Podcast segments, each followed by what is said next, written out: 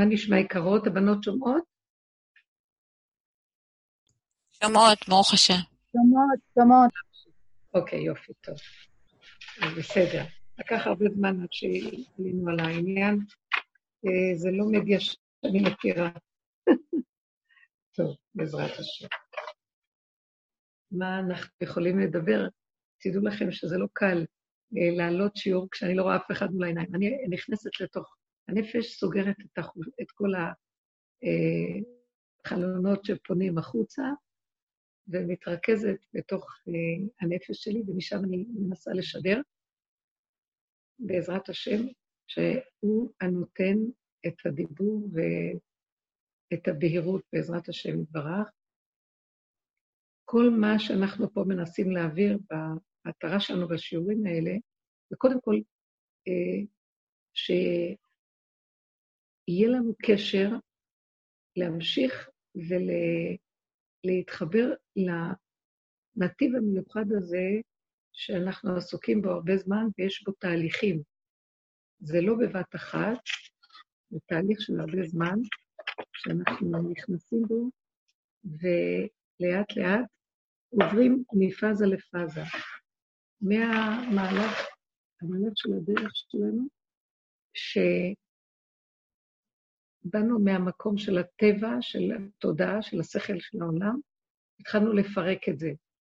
כי זה המהלך כדי להיכנס לימות המשיח. ימות המשיח זה התהליך האחרון, אה, ששם מתחילים להתרחש מהלכים של שינוי תודעה בכדור הארץ.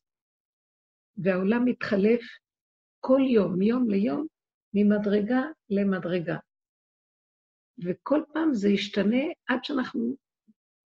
זה לא יהיה בבת אחת, כי אי אפשר להכיל שינוי בבת אחת. אבל אני שמה לב, מה שאני רואה, שכל פעם יש לי איזה משהו בתוכי שמאבד את קודם, ואני בתחושה של מהלך כזה, של עיבוד זהות, עיבוד ידיעה. אני לא יודעת כמו קודם. אה, הזיכרון של פעם הוא לא אותו זיכרון. יש מין זיכרון אחר עכשיו, כאילו מילה זיכרון זה כמו הקוד של הדבר, זיכרון של הדבר. נכנסים לקוד חדש. אני מרגישה ש... יש לי זיכרון חדש, לא שאין לי זיכרון, אבל הוא סגנון אחר של זיכרון. הוא לא סגנון של אחד ועוד אחד ועוד אחד, כמו שהיינו מדברים, שתיארנו את תודעת עץ הדעת. הרבה הבעיה להכיר אותה. לימוד המשיח, ולהגיע אליהם צריכים לפרק את התודעה הזאת. אתן רוצות, אני יכולה לחזור קצת, מהי התודעה? דיברנו, אני לא רוצה להחיות אותה, סוף סוף היא מתחילה לגסוס. אבל כמו שאתן יודעות, וכולנו עברנו עם זה ודיברנו, היא תודעה של רשות הרבים, היא תודעה כללית. רשות, זאת אומרת, התודעה של העולם היא תודעה בשכל, היא מרחפת. אה, השפריצו אותנו החוצה, אנחנו לא מחוברים למציאות האמיתית שלנו, ליסוד של האמת. אנחנו בכאילו, אנחנו חיים בדמיון המוח, אנחנו חיים במחשבות, בכלליות מאוד גדולה. אנחנו חיים בחיצוניות. כל הזמן אנחנו רואים את הבחוץ אחד את השני, וכשרואים אחד את השני, אז מתעוררת, זה הגירוי להתעורר תגובה. אה, אם זה במחשבה, אני רואה מישהו, עולה לי מחשבה, אוי, היא נראית יפה, איך היא לבושה, או אני רואה מישהו, אני אומרת, אה, מתנהג לא טוב. אם זה בדף שכלי, אני מתחילה להגדיר אותו, לת... לתייג אותו, להכניס אותו לספרייה, לתאים של הספרייה. אחר כך ברגש מתחילה אה, לתאר אותו, ואז אם כן זה נעים לי, לא נעים לי, זה שהוא טוב, שהוא רע, שכל ההגדרות האלה, ואחר כך בתפקודיות, שהיא התוצאה של כל התודעה הזאת, אין לנו שליטה. אנחנו עושים הרבה הרבה פעולות שהן יגיעה לריק, והן אה, מעייפות ומתישות. ואין לנו תוצאות מדויקות, בגלל שהתודעה הזאת היא תודעה מאוד כללית, היא מאוד מרחפת, היא מאוד רחבה, היא, יש בה הרבה אפשרויות, יש בה הרבה הבנות והרבה השגות, והכל אפשרי, לא מוכרח המציאות. זה לא מחייב, זה אפשרי. אה, מה אני עוד יכולה להגדיר אותה?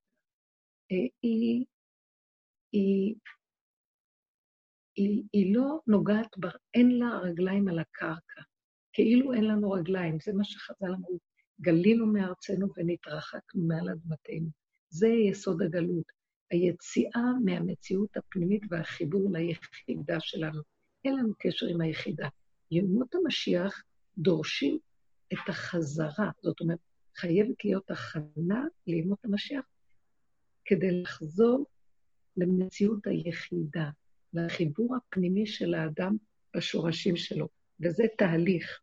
בעבודה שעשינו, היינו חייבים להכיר את התודעה מעצמנו, לרדת מהספרייה ומהגובה של הריחוף ושל הדעת וההבנות וההשגות, ולהתחיל להבדיל בין מה זה הבנה לבין מה זה חוויה של אמת. ולהתחיל, אה, כי אנחנו חיים הרבה בסיפוק של ההבנה והידיעה והמעמדות והמדרגות. זה דמיון של האני העצמי שמזהה את עצמו בדמיונו למדרגה כזו או אחרת, ונותן לעצמו תארים כאלה או אחרים, מגדיר, מסווג, אבל זאת לא האמת. זה רק אה, אפשרות של הגדרה, של הבנה, של השגה. זה לא האמת, וככה אנחנו מתייחסים. אה, אנחנו יכולים לדבר על בן אדם וישר להגדיר אותו, הוא כזה וכזה וכזה, וזה לא נכון. זה רק איך שאנחנו רואים אותו כלפי חוץ. כי הוא אמר ככה, והוא עשה ככה, והוא נראה כך, והוא שייך למשפחה כזאת או לעיר כזאת, אז ישר אנחנו מצרפים נתונים ומעבדים אותם ומוצאים תוצאה. זה לא מחייב המציאות שהתוצאה נכונה, זה חיצוניות, זה לא אמת. מי שיש לו עיניים פנימיות שיוצאות מהחושים, שהחושים, הנקיות של החוש, של הגבוליות שלו, של הדקות, שזה יסוד הגולם, משם הוא מתבונן, יכול לראות דברים אחרים לגמרי. רואה את הנקודה הפנימית שבתוך האדם. זה יכול להיות שונה וסותר לגמרי מה שרואים בחוץ. זה נקודה כבר שמתחיל להכניס אותנו ליסוד האלוקי, כלומר, כמו שכתוב, לא מחשבותיי מחשבותיכם, ככה השם אומר. לא מה שאתם חושבים שאיך אתם רואים, ככה זה באמת. ובכל אופן, כדי להגיע לזה, נכנסנו בעבודה של פירוק. התחלנו לפרק. התחלנו, מה שעשינו, וזה מדהים. אה, אני יכולה לקחת אה, איזה נקודה שכתוב בפרשת בשלח, אה, בסוף הפרשה, שהעם מתלונן כי המים, הגיעו למקום שיש שם מים שקוראים לזה מרה, והמים מרים והם לא יכולים לשתות. ואז הם צועקים, הם צריכים לשתות מים. ואז הקדוש ברוך הוא מראה למשה רבינו עץ, ואומר לו, תמתיק, תזרוק את העץ הזה לתוך המים, והמים ימתקו. וכתוב שהעץ הזה היה מר. זאת אומרת, הוא הכניס את הערות של העץ לתוך מים, ונהיה מתיקות של המים. וזה דבר נפלא לראות. מה כאן התהליך, יסוד העבודה שלנו נגע בדבר הזה. זאת אומרת, שאם אנחנו נכנסים לתוך העבודה שלנו, להכיר את הפגם, להכיר את שלילת עץ הדעת. מהו הפגם שדיברנו? דיברנו שהמחשבות של תודעת עץ הדעת, שהיא מסתכלת על התוואים, היא שודדת אותם, היא גורמת שהבני אדם יתנהגו לא טוב, הם מגדירים לא טוב, מרגישים אחר כך בהתאם להגדרה, ואחר כך הם פועלים בהתאם להגדרה, ואז הם לא עובדים נכון. הם מפספסים כי ההגדרות שלך בחיוב, ואיך נולדנו נקיים וטהורים. תודעת עץ הדת שהיא מתפתחת, היא, היא יוצרת מצב שאנחנו מתקלקלים ומתלכלכים ועושים שטויות. אם כן, עצרנו והתחלנו להתבונן בדעת הזאת, התחלנו להגדיר אותה ולראות את הרגש שלה, לראות את הסערה, לראות את הפעולות ולפרק אותה. ולהוציא אותה, לאט לאט נכנסנו. עכשיו, מתוך עץ הדת, כדי לפרק את עץ הדת, מתוך השכל של עץ הדת, התבוננו דווקא בעץ הדת. יש סעיף בשכל הזה שיש ממנו מוצא, להתבונן אחורה. ההתבוננות אחורה מפרקת אותו. זאת אומרת, כמו שהקדוש ברוך הוא אמר למשה, תזרוק את העץ המר לתוך המים המרים. תיכנס בתודעת עץ הדעת, ומתוך תודעת עץ הדעת תשתלשל צעד אחר צעד, אחורה, אחורה, אחורה, עד שתגיע למקום של אה, השורש של הפגם. ושם יש התמתקות, כי כל דבר שנוגע בשורש שלו, זה ממתק אותו. זה אצל הקדוש ברוך הוא, כך כתוב בתנחומה, בפרשת בשלח, במה שהקדוש ברוך הוא אה, אה, מכה בו הוא מרפא. אילו בשר ודם מכה באזמל ומרפא בתחבושת או במשחה. אבל הקדוש ברוך הוא, באותו דבר שהוא מכה, ובאותו דבר הוא מרפא. זאת אומרת, אין שני דברים. אין שקר ואמת. לנו, אנחנו תמיד מחלקים את זה, כי תודעת עץ הדת מרחיבה ומחלקת. היא תמיד מגדירה דבר והיפוכו. אבל באמת, באמת, השורש של הכול זה דבר אחד. השם אחד הוא שמו אחד. אז איך נשיג את השם? כי אנחנו מקולקלים, אנחנו תחת תודעת עץ הדת, אין לנו דרך להשיג אותו. אז מה שקורה לנו, אה, שהתודעה מרמה אותנו והיא מסדרת לנו הדמיה חיובית של השם, ואנחנו מדמיינים מה זה השם, ומדברים רוחני, ומדברים גבוה, ומתחילים להתגעגע אליו, ומתחילים לתאר אותו, ומתחילים כל אחד בדמיון שלו, ובונים לנו עליות בשמיים של דברים שהם גם כן דמיון, וכל זה מתוך תודעת עץ הדת. אבל לקראת הסוף, שהשם רוצה להתגלות באמת על הכדור, הוא יגיד לנו, אין לכם דרך רק מהדרך שנכנסתם איתה לצאת.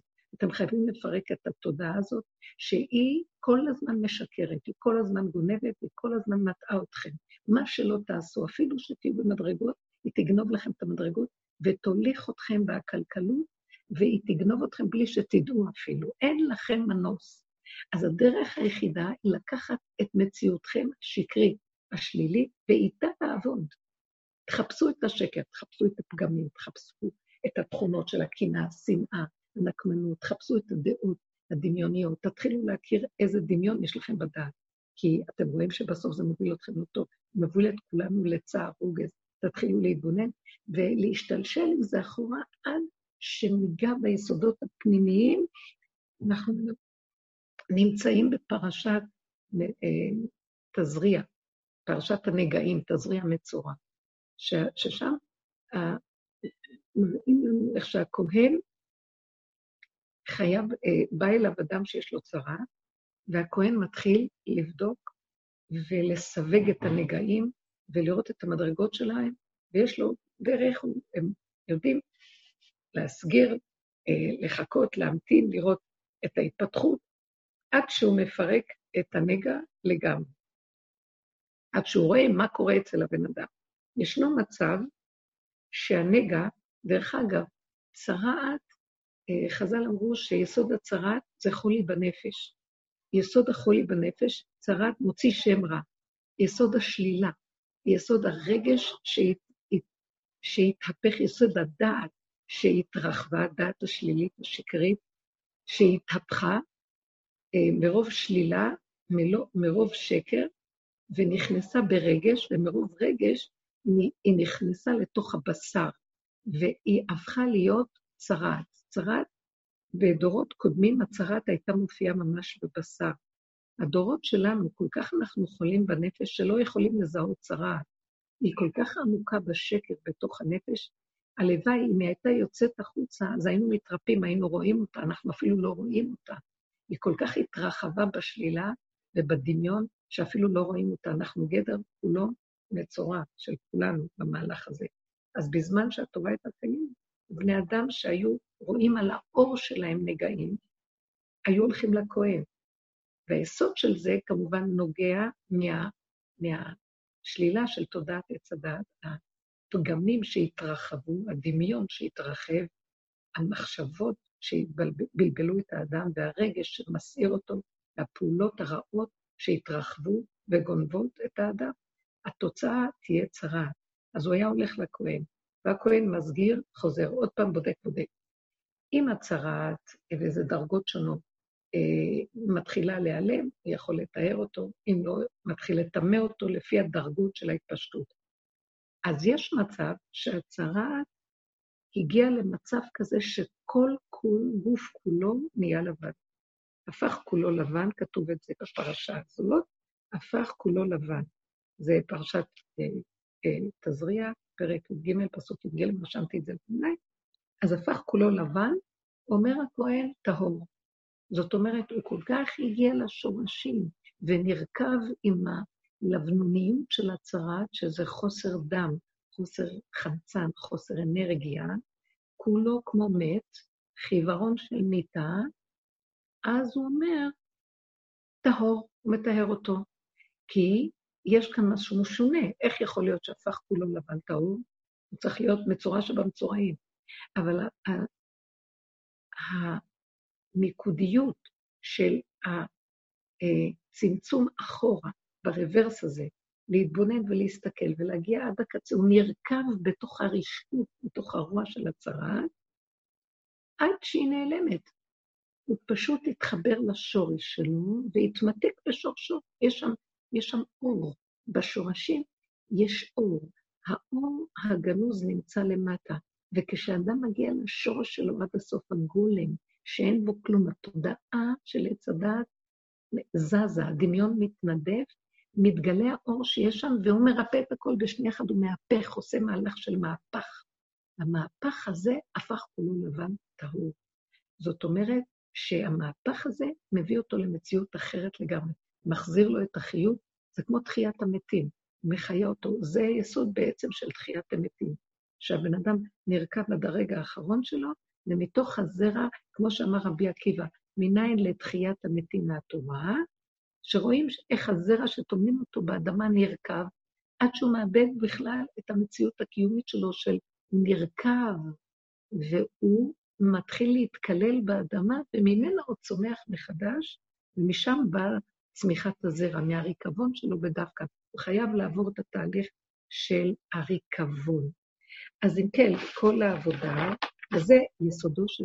ש... ככה הקדוש ברוך הוא עובד בעולמו.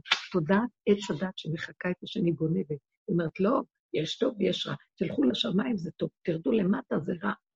ובדיוק המהלך הוא הפוך. כל האור הגנוז, הגילוי שלו חייב את התהליך ההפוך. אסור לנו ללכת אחרי היסוד של הטוב הזה, השקרי, וזה מאוד קשה, כי אנחנו בתודעה של טוב. אה, אני חייבת לתת כאן דוגמאות, וזה מבלבל. כשאנחנו עושים משהו ולא הולך לנו, אנחנו בצער. למה אנחנו בצער? כי תודעת עץ הדעת אומרת לנו, אתם נכשלים, אתם לא מצליחים, אתם אה, לא בסדר, אתם צריכים להצליח, אתם צריכים להיות יכולים, אתם צריכים להגיע לתוצאה חיובית, ואז יש לנו שבירה. עכשיו, בדיוק בנקודה הזאת הדרך שלנו נכנסת. אנחנו צריכים לעצור ולא לתת למצוקה הזאת להשתלט עלינו, ולא להסכים שנהיה במקום של צער. בואו נעצור לרגע ונגיד, אני לא מוכנה להיות בצער. זה בדיוק העבודה שאנחנו עושים, חזור וחזור וחזור. בהתחלה לא היינו מגיעים לזה, היינו נשברים וקמים ועוד פעם, זה תהליכים. עד שעכשיו אנחנו, גם אלה שמתחילים מחדש בדרך, כדאי להם מיד להגיע למקום הזה. לא להסכים למצוקות, לא להסכים לכוח הזה שמביא ומצדיק למה אנחנו צריכים להיות בצער, כי לא הצלחנו. אה, כי למה לא הולך לנו? למה אין זה ולמה אין ככה? ולמה... לא לבקר, לא לשפוט, לא לדון. לעצור ולא להסכים לשלילה שתתפשט הרגש השלילי והמצוקה בשום אופן, ולעצור ולהגיד, אז אם לא, אז לא. אני מקבל את הלא, אני מקבל שלא הולך, איך שזה ככה זה בסדר גמור. אז לא, אז, אז זה, זה הגבול שמשמיים שולחים לי, שאני אפסיק ולא בכוח אדחוף כדי להגיד, להשיג משהו. לא חייבים להשיג. לא חייבים להשיג. מה שאנחנו קוראים בעולם שלנו, יש פסוק שאומר, ועשית הטוב והישר בעיני השם. אה, אם אה, זה, נראה לי שזה עדיין קשור לפרשת שלח שכתוב, את, אה, אה, אם תעבוד, איך כתוב את זה שם, אם שמוע תשמע בקול השם אלוקיך וישר בעיניו תעשה. אז תל מסתר שמעת כל, כל המחלה ששמתי במצרים, לא אשים עליך כי אני השם רופאיך. אז אם שמוע תשמע בקול, וישר בעיניו תעשה. בתודעת עץ הדת יש לה את הישרות שלה. אם אתה נכשל במשהו, אתה חייב להתגבר ולהיות יכול. זה הישרות. אנחנו בדור האחרון לא נעבוד ככה. זה ישרות עקומה, כי היא מוליכה אותנו למקום הפוך מהישרות הנכונה של השם. ועשית הישר בעיני השם. הישר בעיני השם לא יכול להגיע לישרות אם אתה לא תדלג על הישרות העקומה. זאת אומרת, אם לא תיקח את הישרות העקומה, תפרק אותה, לא תסכים לה, תעמוד על עומדך, אל תסכים להצטער, אל תסכים להתרגז, אל תסכים להילחם, אל תסכים להתעקש להשיג. אה, כי זה צריך, באמת, הישרות מובילה מעליה. אין עול ואין מסוי ואין שום דבר שאת מרימה, שאדם מרים. הכל נפתח. כי כשאת נודעת בנקודת הישר, היא נוסעת לבדה, ויהי בנשוא אהרון, ואהרון נושא את נושאיו. לא צריכים לעשות שם פעולות, לא צריכים להתאמץ. מאליו הכול נפתח, הדלתות נפתחות ואתה מתקדם. אז זה הישר האלוקי. אבל הישר של עץ הדת זה מאבק, זה עמל, זה יגיעה, וזה עקום. אז הכל, הכל הפוך. אז בואו ניקח את העקום הזה, בואו ניקח את המקום שאומר לנו, את לא הלכת בסדר, את צריכה לעשות זה, למה את לא עושה זה, את צריכה... אז אני אני לא רוצה ביקורת, לא רוצה שיפוטיות, אני לא רוצה להיות ישרה, כמו שהוא אומר לי, אני, הישר בעיניי זה איך שזה ככה. לא מוכנה להיאבק, לא מוכנה ללכת על הצד החיובי, כי השלילה תתגבר, ויהיה כל הזמן מלחמה ונצחנות.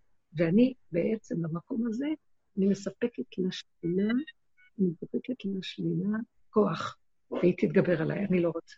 אז אני לא בשלילה ולא בחיוב. אני עומדת על עומדי ואומרת איך שזה ככה.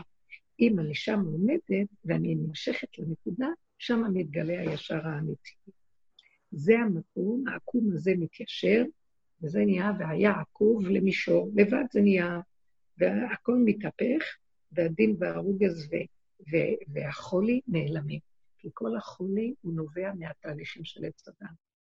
ואם אנחנו רוצים שהשם ירפא אותנו, כי אני השם רופאיך, אז עשית ישר בעיני השם. מה שאנחנו אומרים, הישר בעיני השם, זה מה שהתורה אומרת לנו, המצוות והחוקים. וזה באמת נכון, כי המצוות והחוקים הם ישרים. אבל אנחנו בתודעת עץ הדת גונבים את המצוות והחוקים. אם הולך לנו, אז אנחנו על הגובה, ואם לא הולך לנו, אנחנו נשברים. סליחה, אנחנו צריכים לקיים מצווה. אם הולך לנו, פתחו לנו את הדלת, נתנו לנו אפשרות לקיים משהו, נקיים. לא נתנו, סגרו, לא, לא נלך בכוח, למה שנהיה עצובים? אז לא המצווה הבעיה, זה איך שאנחנו מקיימים אותה, עם תודעת עץ הדת שהיא גונבת, מתארת, אה, מתרחבת עם ההתרגשות, והלכנו לאיבוד, וזה נקרא הקמומיות.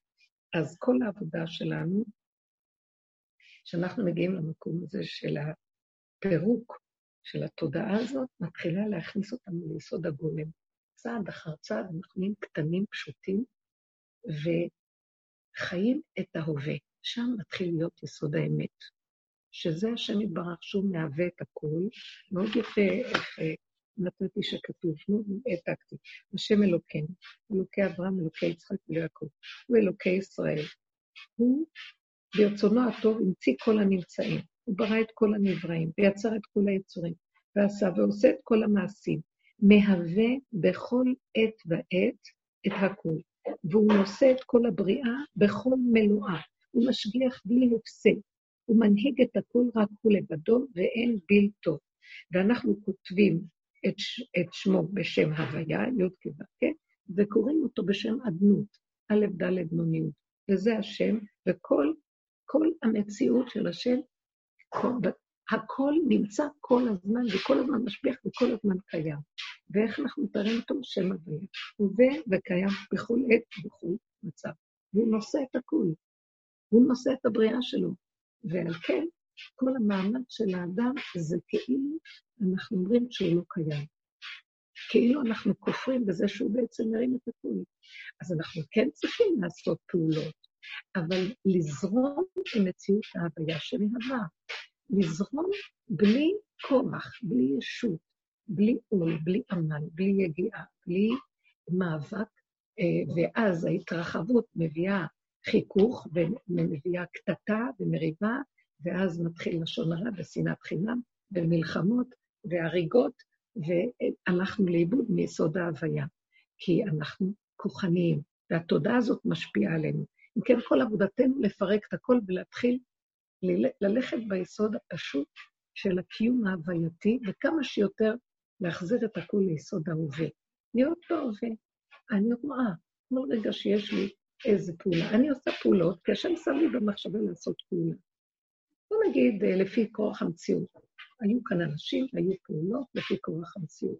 עכשיו, כאשר ראיתי שאיזו פעולה שעשיתי נתקלה בהתנגדות, ניסיתי איכשהו, בכל אופן, לא לשים לב ולהמשיך.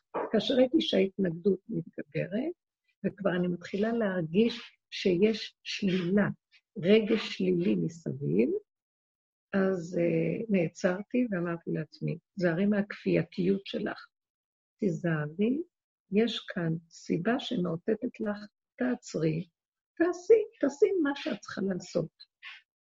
לא הלך, לא, משהו עוצר אותך שלא מסכים שתמשיכי, לא בכוח יגבר איש, לא בכל מחיר. תעצרי ותעזבי, תניחי. לא ויתרתי על הדבר, רק פתאום ראיתי, עד פה עשיתי, יותר זה לא שייך לי. לא שייך לי, לא שייך לי. זה שייך למשהו אחר. הייתי עסוקה עם איזה אה, מישהו מבני המשפחה שהיה צריך איזו עזרה בנושא אה, חשבונאי. ואז ניסיתי לעבוד עם החשבון ולעזור פה, לעשות שם, הצעתי הצעות, עשיתי כמובן, עד שראיתי שהצד השני מתחיל להתנגד לי. אז אני בכל אופן, לשיטתי חשבתי, אתה ביקשת עזרה, הנה העזרה שאני יכולה לתת, נכון? אז המשכתי להגיד, נותנת זו דוגמה נוספת. אז אמרתי עוד פעם, ראיתי שמתחיל להיות מצב של, נכון שהצעתי עזרה, נכון שנתתי א', ב', ג', ד', כשהגעתי לה', והמשכתי, ראיתי התנגדות. אז uh, אמרתי לעצמי ככה, נכון שעשית מעשה טוב, פתחת לו אפשרות, נתת כאן עזרה באיזה נקודה, uh, עזרת, uh, ויש כאן דבר שאת שליחה, יש כאן התנגדות להמשך, אבל היה לי משהו פנימי שאמר, אה, ah, מה, אני, הכושי עשה את שלום, הכושי יכול ללכת. ככה זה יפה, כי עכשיו הוא מתנגד לנקודה. אבל uh, סליחה, אני בעלת המהלך. אחרי רגע אמרתי לעצמי, יכול להיות שהמחשבה שלך נכונה, אבל את שמה לב שאת נכנסת עכשיו למשהו רגשי שגורם לך לאיזו מצוקה פנימית של מתח מול השני? עזבי.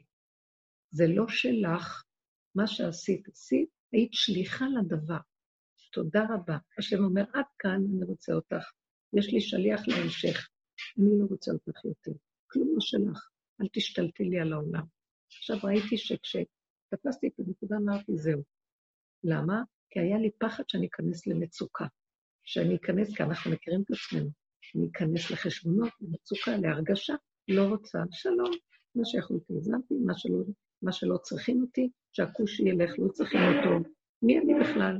אנחנו רק נדבך קטן בכל הבריאה הזאת, שנדרש לרגע זה, רגע זה, רגע זה. אנחנו שליחים של השם בבריאה שלו.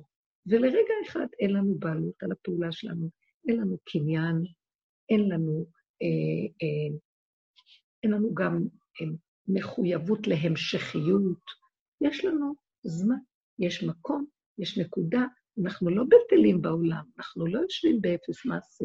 הסיבה מסובבת, ויש פעולות, ויש בני אדם, אבל אנחנו צריכים לקרוא את המפה ולהיכנס במקום של המטוטלת כמה שיותר, שתהיה בקו האמצע והתנודות שלה קטנות ולא רחבות וגדולות, מהימין לשמאל, מהשמאל לימין, ושם אנחנו הולכים לאיבוד ומאבדים את הדיוק. ימות המשיח זה להתאמן לקראת ימות המשיח, אנחנו חייבים להתחיל לרדת מהתודעה הגדולה שהיא גורמת את כל הצער והכאבים לבני אדם והסערה, ואנחנו נתפסים בנקודה שהתרחבה ואיבדנו את הדרך הזו. אנחנו צריכים מאוד מאוד להיזהר, הרגש הוא הקטליזטור, הוא המראה שמראה לנו, אתם תזהרו לכם, אתם הולכים רחוק, כי הוא מביא לנו מצוקה. הרגש הוא מאוד טוב, הלב.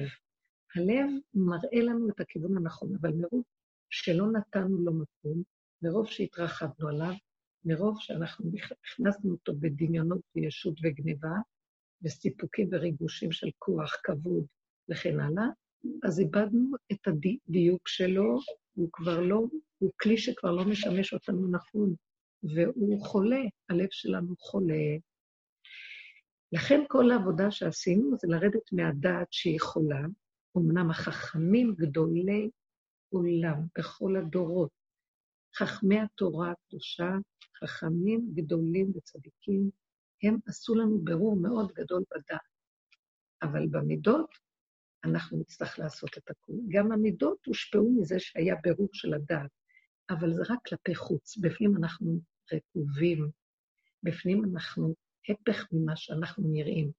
אנחנו עושים את עצמנו ישרים וטובים, ובפנים אנחנו עקומים, ויש הרבה רוע בפנים, יש הרבה חשבונאות, אינטרסים, אנוכיות, שזה לא האמת של אני השם, זה לא הישרות אה, ועשית הישר בעיני השם. על כן, בעולם הזה כל הישר הוא עקום, וכל העקום יכול להיות גם ישר, אנחנו לא יודעים, זה, זה דמיוני.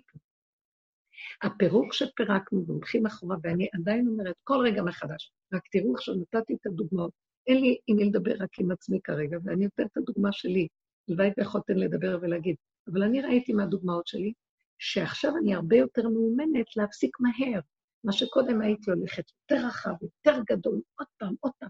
עכשיו בקלות יכולתי לדבר, ראיתי למה לך להיות אחוזה אה, בפעולה שעשית, בדמות, אה, אה, במצווה, שום דבר לא שלך. עשית, שלום, נגמר, יש התנגדות, וצריך דיוק. אה, הרגשתי את הדקות שאיך מתחיל להיות אנרגיה שלילית לבן אדם מולי, שהוא מאוד גם היה מאוד עדין, אפילו לא אמר לי שלילה, רק הרגשתי איך שהוא מתחיל להתנגד לדיבורים שלי, ואז הפסקתי. כאילו, היו לו מחשבות עליי, עזרת לי עד פה, יותר אני לא צריך אותך, תני לי גם להיות עצמאי בהחלטות שלי. מאוד יפה, שלום. לא בקלות רציתי לוותר, אבל ראיתי שזה יפריע לי. לא עשיתי את זה בגללו, ולא עשיתי את זה בגלל שאני צדיקה של השם. עשיתי את זה מהפחד שלי לאבד את נקודת האמת, את נקודת הדיוק. עכשיו אני אגיד לכם, כל העבודה, אני נזכרת שרבו אמר דבר מדהים, שהאדם צריך להגיע למדרגה, אני אמרתי לכם זה פעם, שהוא מפרק את הפגם שלו וחוזר אחורה אחורה מתודעת עץ הדת השקרית שמדמה לו שיש לו מדרגות, והוא מה זה חיובי ומה זה הוא יש לו, יש לו בעלות ומה לא, וכל הזמן לפרק עד שהוא מגיע לפחות מכלב מת. זה קשה. ואז הוא אמר עוד דבר, הוא אמר שהוא לא ישכח שהוא רק חמור שנצרך לאבוס בעליו. ברגע שהוא שוכח את, ה, את מציאותו, שהוא נזקק לאבוס של הבעלים שלו, כמו חמור, שלא יודע את אבוס בעליו, זאת סכנתו. שכח את הבעלים שלו. ככה רוצה להשתמש בדוגמה הזאת. זאת אומרת, שהאדם הזה שמפרק ויודע, נוגע בגולם שלו, שהוא כמו החמור, והוא פתאום, מי בכלל? אין לו בעלות על כלום, אין שום מעמד, אין לו שום מי, מי, מי בכלל שמו לאדון ושר ומולך? יש לו רק רגע שהוא מתבקש למשהו ויותר לא. וכל רגע הוא חייב לדעת לגמור ולהעביר את השליחות בחזרה, לגמור ולהעביר את השליחות. אין לו דבר שמתמשך. והמהלך הזה מביא אותו לגוע בחמור שיודע את אבוס בעליו. והאדם הזה, ככה מרגיש, שיודע את המקום שלו, שהוא יודע את החומר שלו, את הגבוליות שלו, את הגולמיות שלו, הוא יודע, מפחד לאבד את הקשר עם בוראו, את המקום הזה של הקטנות הזאת ושל הנכנעות כמו חמור שנכנע. האדם הזה שחי את סכנתו וחי את הנקודה הזאת, נפתחים לו כל הרקיעים לקבל את תודעת האמת. אמרתי, ממש. אני, כשקראתי את זה, אמרתי, איזה, זה היה מזמן שקראתי, ואחר כך. היום מצאתי איזה פתק שכתבתי את זה, ואמרתי, איזה נפלא זה, עוד פעם לזכור את זה, איזה דבר מדהים, שזה כתוב בצורה כל כך פשוטה, שזה האדם שיודע את מקומו, זה האדם שנפגש עם יסוד האור, בוראו, היסוד של הבורא שנמצא בשורש, כי זה שורשו, הוא הגיע עד לשורש שלו. מה יותר מחמור? מה יש יותר מחמור? שעליו אמר הנביא, ידע השור קונהו וחמור אבוס בעליו. עוד השור יש לו דעת, כי שור יש לו דעת, ככה אומרים. השור מלשון שורו והביטו, הוא רואה. יש לו תכונה כזאת של דעת. ויוסף נמשל לשור, יוסף הצדיק, אה, קרני ראם לו, כן? אה, יוסף, יש לו דעת, מבחינת הדעת. ודוד הוא בחינת החמור, דוד המלך. אז בחינת שדוד המלך עשה מהלך של החמור. הוא הגיע למקום של אין לו כלום, בהמות הייתי עמך, שזוכר שהוא צריך את היבוש של בעליו לקיום שלו, אחרת אין לו שום קיום. וכל דבר שיוליך אותו רחוק מזה, הוא בסכנה גדולה מאוד. וכל עבודתו היה לא לשכוח את סכנתו. ותבינו, שמסכנתו זו שהוא חי, הוא מקבל את האור הכי גדול. ראיתם את הדבר הזה? כשאנחנו יורדים לשלילה, וזה לא השלילה, תבינו שעץ הדעת שקורא לעצמו חיובי, הוא השלילה הכי גדולה. וכשאנחנו מפרקים, מפרקים, מפרקים אותו, מגיעים ליסוד של שלילה, למנגנון של השלילה שלו, זה היסוד שלו, שם הוא בשורשים מתהפך. ונהיה שם האור הגנוז, עץ הדעת הופך לעץ החיים. אין דבר יותר פלאי מזה, שאנחנו הופכים, שם האדם מקבל את תכונת הבורא. מה שהקדוש ברוך הוא מכה בו, הוא מרפא. מה שהוא זרק את העץ המר לתוך המים המרים, ובזה התמתק המים, כי השם אמר. המים, במאמר השם, אותם מים מרירים נהיו מתוקים עם עץ מר. זה, זה היסוד של הבורא עולם. אה, אותו, בואו נגיד היום, מה שקורה לנו, כל החולי הזה שאנשים מדברים וחיים, אנחנו צריכים מאוד להיזהר ממנו. המקום של ההתבוננות בדבר הזה, רק תחפשו את השם שם. זאת, מה זאת אומרת לחפש את השם? תרדו לשורש ותגידו, אני לא מוכן להתרחב עם המחשבה על החולי, על הסערה שיש בזה, על הבהלה, אה, על אה, מה אני צריך לעשות, מה לא לעשות, מה כן. אני צריך להישאר בנקודה הדקה של הצמצום, ולקחת את כל החרדה או כל המחשבה ולהחזיר אותה כל הזמן אחורה לכאן ועכשיו, עד שאני לא אזכור ואני לא אדע מזה כלום. אני לא יודעת. ועכשיו, מה ינהיג אותי בחיים? איך אני אזהר? הסיבה מנהיגה אותי, ומה שאני צריך להיזהר זה לא מהמושג שנקרא קורונה. אני צריך להיזהר שמא אני אתרחב למושג שנקרא קורונה. זה הפחד שלי, לא פחד מהקורונה, זה כבר רחוק מדי, רבותיי. כי אני כבר הכנסתי את זה למוח, וזה מתרחב עליי, חס וחלילה, על אף אחד מישראל. זה צריך להיות שאני מכניס את המחשבות שמתרחבות, נושם את הנשימה, חי את הצמצום שלי, והצמצום מביא אותי בפעולות, והצמצום הזה שומר עליי. הוא מראה לי. עכשיו, בצמצום הזה אני הולך, אני הולך לקניות. הלכתי לעשות איזה קניות. ועמדתי בחוץ, כי עמדו אנשים בחוץ, והיה ימים קרים, היה לא עכשיו, ו- והרגשתי קר, הגוף שלי היה קר, כי לא לקחתי מעיל, והייתה רוח חזקה ועמדנו בחוץ. ואז היה לי משהו בתוך הנפש שאמר לי, אה, בהתחלה חיכיתי, אמרתי, תתעקשי כבר, כי את עומדת להיכנס עוד מעט. ואז פתאום היה משהו שאמר לו, לא, אה, את עומדת בחוץ, קר, זה לא ימים רגילים, אל תתגרי, בגבוליות שלך, תשימי לב שהגוף שלך קר, ואפילו שיש לך עוד שלושה אנשים לפנייך ואת נכנסת, עכשיו הרגע תלכי מפה. והלכתי. אחר כך כשהגעתי הביתה, היו לי כמה שעות, ממש כל הלילה, שהרגשתי אה, התקררות בגוף, שיעול, התקררות, והגוף שלי אה, הרגיש כמו שפעת. ואז אמרתי לעצמי, אה, קצת פספסתי גם משהו, כי התרחבתי על עצמי בכמה דקות. ואז סגרתי את המוח ואמרתי, כלום. לקחתי ויטמין C, שתיתי כמה ויטמינים, שתיתי שתייה, שמתי צעיף, בקבוק חם, נכנסתי למיטה, דיברתי עם השם שאני לא רוצה לדעת כלום. שאתה השם, היו לי כל מיני פעמים כאלה שאני מתקררת עם מזגנים באוטובוסים, אמרתי, ריבונו שלום, אני מבקשת ממך שאני אקום בבוקר, אה, שלא יהיה לי שום ניחוש, בבקשה. אבל הבנתי שאני צריכה לחמם את הגוף טוב. אז לא נכנסתי למחשבה. אה, כשאני חשבתי להגיד את זה למישהו מבני הבית, אמרתי שלא תעיזי, הם ישר יגידו לך, בואי למדוד חום. אמרתי, אני לא הולכת לאף מקום, שום דבר. וככה זה עבר. צמצום, הצמצום הכניס אותי לנקודה שאני לא רוצה לדעת, לא רוצה להתרחב, רק להיות כמו, אה, כמו חיה חושית שקולטת את הנקודה וחוזרת מיד. הגבול שלה מאוד מאוד קרוב אליה, חזק, אין לה התרחבות התודעה כמו שהבני אדם. גם ככה, גם החיות התרחבו כתוצאה מהקלקול של הבני אדם. אבל בסופו של דבר, הכל מתחיל לחזור ליסוד שלו. מישהי הראתה לי סרטון, אחת מהתלמידות פעם באחד השיעורים, מדהים, שנשים מעלים חיות שמתנהגים הפך מהטבע שלהם שאנחנו רגילים אליהם. משחקים אחד עם השני, חיה מסוכנת מלטפת חיה אה, שהיא חסרת אונים בדרך כלל, וחלילה הייתה צריכה לברוח מה, מהחיה הזאת. אה, כל מיני מצבים מעניינים שהבריאה מתחילה לחזור למצב בצילומים, היה מצב שיראו את החיות שהם כבר נמצאים בתהליך של תודעת ימות המשיח, שהם לא מזיקים אחד לשני.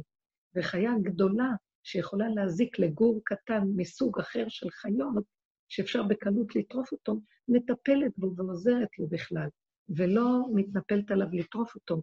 וכן כל מיני כאלה דברים מאוד מעניינים, אה, וגם ראיתי אה, סרטון קטן כזה של כמה שהחיות אה, העופות והחיות רוקדים ושמחים אחד עם השני, אפילו שיש שינוי מינים ביניהם, כל מיני סגנונות שונים. זה כל כך מעניין, כי הבריאה כבר מתחילה לחזור ליסודות שלה ולשורש שלה. המקום שאנחנו כבר חוזרים למקום הזה של הדיוק אה, של הכאן ועכשיו, תתעקשו על הכאן ועכשיו, תתעקשו לא לסבול, תתעקשו לוותר על התענוג של המזוכיסטיות להיות ביגון, בסבל, בצער, במריבה. בואו נוותר על זה, זה ילדותי, זה טיפשי, זה נובע מזה שהבן אדם כשהוא ממורמר, אז יש לו חיות מזה, כאילו הוא חי מהמרירות, הוא כזה, המסכנות, יש לו חיות ממנה. זה כל כך טיפשי, הוא יזיק לעצמו, אבל זה שווה לו בגלל רגע של סיפוק, שהנה הוא מסכן, והוא מתרפק על הרחמנות העצמית שלו. ובושר היה אומר שהיו מגיעים אליו כל כך הרבה אנשים, כל מיני חולי נפש ודרגות שונות, שהוא אמר פעם לאחד שהיה מאושפע, הוא הלך לבקר חולים אה, בבתי חולים לחולי נפש. הוא אמר לאחד החולים שם, אני יכול לעזור לך לצאת מהמצב שלך. אז בוא איתי, בוא תבוא איתי בדרך, ובוא תקשיב מה אני אומר לך. אז החולה הזה אמר, לא, אז מי ירחם עליי אם אני אצא מהמקום הזה? מי יבוא לראות אותי, ומי יביא לי ממתקים, ומי ישים לב אליי? הוא לא הסכים לצאת מהמקום שלו. ואז הוא היה אומר, אני לא יכול לעזור למי שלא מסכים. הדרך הזאת פותחת פתחים למי שמתעקש ומחפש, מוכן לעזוב את הילדותיות הכסילית ולהתבגר בנפשו, ולהגיד, זה לא שווה לי, לא רוצה, לא רוצה להזדקק למסכנות ולרחמנות, לרחמנות של השני עליי, לא רוצה להתחנפן כדי לקבל איזה יחס. לא רוצה להיות כפייתי כדי אה, בכוח להשיג משהו. אה, ניצחתי, יופי. אה, לא מוכן. אני רוצה לחזור למקום של המלכות, של הרגיעות, של השלווה, שהכל יגיע עד אליי בכבוד. מסביב ילדים יכולים לצעוק, זה לא קשור אליי. אני לא מוכן, פעם הייתי יכולה לסעור מילד שצועק. אז אני, הדרך מביאה אותי למקום של הסתגלות, לשמוע ולא להפנים אני שומעת, אבל אין את אותו תהודה חזקה של אה, עצבנות שהייתה קודם. כאילו אנחנו בתודעה של עץ הדת חיים בגדר של עבודה זרה, אוכלי לחם העצבים, שהעצבים היא מילה נרדפת לעבודה זרה. אנחנו לא חיים עם הישר האלוקי האמיתי. זה כל מיני שיטות ועבודות, מתח ולחץ של אדרנלין שפועל עלינו כל הזמן. ואנחנו, ומעמיס עלינו עומס אחר עומס אחר עומס, שכל דבר הכי קטן ש, שאנחנו שומעים הוא לא, שכבר אנחנו כל כך עמוסים, נראה לנו כמו תקיעת שופר, או כמו אה, פול של אה, סירנה, וזה מרגיז אותנו. והעבודה היא אה, לא לתת תגובות, לא לאחוז את הלב חזק, לעשות שריר, להתרחק מהנקודה, לא להגיב, להתאפק, לכנוס פנימה ולבטל, לבטל, לבטל. אז, אז אמא תגיד, כן, אבל הילדים צועקים, והם לא נותנים במנוחה, ולא, וכל אחד צועק, אמא, אמא. כל עבודתך היא דווקא בתוך הגיהנום הזה. ואנחנו יצרנו את הגיהנום הזה, הילדים לא נולדו ככה. אנחנו יצרנו שהם ככה, כי עשינו את עצמנו כל יכול, האמא הכוחנית, הכל יכולה שמספקת הכול. גם היא לא, לא תמיד האמא היא כוחנית, אבל היא אוהבת להיות האמא שהיא המספקת לכולם. יש גם אמא קורבנית, יש גם אמא כוחנית, יש כל מיני סוגי אמהות, אבל יש משהו באמהות שהוא מתרחב לאורך ולרוחב, שמאל לא ימין. אם זה בכוחנות, או אם זה בקורבניות השלילית ובחידלון של הייאוש והמסכנות. ואת זה הילדים רואים, וככה הם גדלים. ואילו אנחנו צריכים לחזור לקו האמצע, ולהיות מאוחדים עם הנקודה. מה יש לי מזה ומה יוצא לי מזה. לא רוצה. אז תתרחקי מהילדים, את רק שמה לב. הם קיבלו את נקודת הקיומיות שלהם, הם לא בפיקוח נפש, אז לא נורא בכלל. לא חייבים להגיב להם, לא להגיב. לא להגיב לילד מנדנד. אה, לצאת לחדר אחר, לתת גערה שאת לא מוכנה, תהיי חזקה עם הנקודה שלך, ותפרקי את הסערה שהוא עושה סביבך. יש מקום כזה, שאת כל כך חזקה עם הנקודה שלך, שהילד בסוף יעזור, כי אין לו ממך פרנסה. את לא מפרנסת לו את האנרגיה שלו, את לא מגיבה, אז אין לו איך להמשיך, במה הוא יתעלה. בסוף אה, הוא נושר ונופל למטה, האנרגיה הזאת נופלת. וזו העבודה שמביאה אותנו לאט-לאט אחורה-אחורה, לשורש השלב והרגוע. וממש להתמסר לנקודה, שאני לא, וזה מין, זה מין, זה הרפאיה פנימית, שאפילו לא צריך לעשות איזה זמן לשבת, לעשות התבודדות ורגיעות. בתוך החיים. אם יש זמן כזה, למה לא? בתוך הכוס תה תעשי רגיעות. בתוך זה שאת יושבת סתם. לא צריך ללכת לאיזה הר ולצאת לאיזה מקום. בכל העבודה שלנו, שהמוח שלנו והרגש שלנו והפעולה שלנו יהיו מכווננים בקו ישר, וכל רגע אנחנו עומדים על לומדנו, ואנחנו כלים לשרת את הסיבה. אה, אני יכולה לתת דוגמה שאנחנו כאילו רחוקים ממנה, אבל זו דוגמה. משה רבנו אמרו עליו שהיה עומד, ובכל עת השם היה מדבר איתו. והוא לא היה צריך להגיע למצב כמו נביאים אחרים, שהם היו צריכים להכין את הכלים שלהם, צריכים להיכנס למצב של אה, חושך, של החשכת הדעת, ומין אה, מדיטציות והרפיות פנימיות, עד שהם היו מגיעים למקום ששם יכלו לקבל את הכול. הוא היה עומד על עובדו, דעת שלו הייתה ישרה, והיה מקבל מקצה ועד קצה. אנחנו לא מדרגתו, אבל הקטן כקוטנו. תמיד אני אומרת, אז אל תגידו, טוב, זה משה רבנו. זה אין הדבר נשמע. ממנו ניקח לעבוד את השם. מה הוא בגודלו השיג את זה? אני בקטנותי יכולה להשיג משהו מזה בקטנה שלי. כאן ועכשיו, בפעולות שהשם שם לי בבית או בתפקידים השונים שיש לנו. זה לא סותר. ויש איזה מדרש שאומר שהעתיד הקדוש ברוך הוא לעשות מחול לצדיקים. וכל הצדיקים עומדים סביבו, והוא במרכז. זה מין רדיוס כזה, שאני אפילו לא יכולה להגיד, הוא עומד ברדיוס שהקוטר שווה, הכל שווה, כאשר הוא במרכז, וכל הצדיקים עומדים סביבו. עכשיו, באופן שווה ממנו אליהם, כולם. עכשיו, יש סוגים שונים של צדיקים. יש סוגים שונים. יש צדיק שיש לו תכונה כזאת, יש לו צדיק שיש תכונה כזאת. יכול להיות צדיק שהוא מאוד מאוד פשוט ואין לו הרבה שכל, אבל יש לו חסד ומידות מופלאות.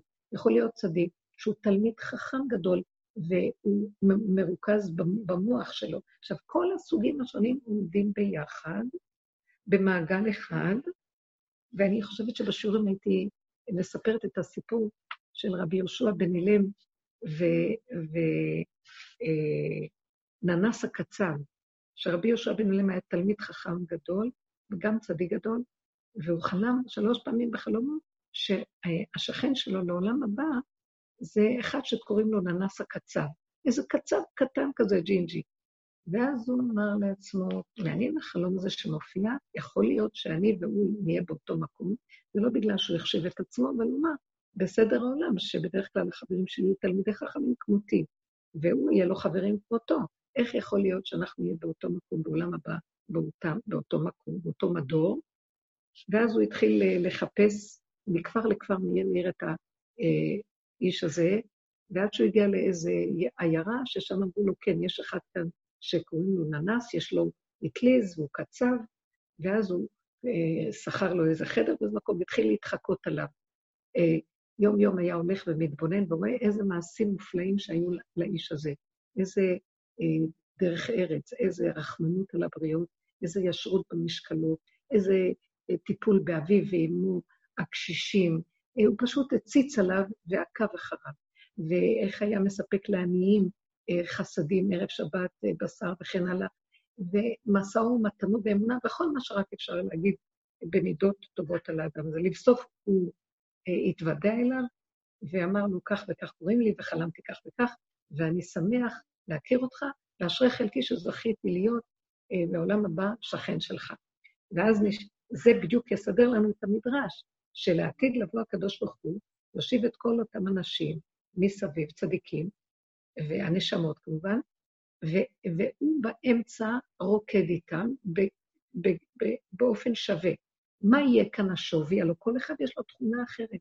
השווי זה, זה פעל מאה אחוז בתכונות שנתנו לו, לנצל אותם, למצות אותם, להגיע ליסוד האמת המוחלט, בתוואים שהשם חלק לו ונתן לו, ולא אה, להתרחב בשקר וללכת לאיבוד.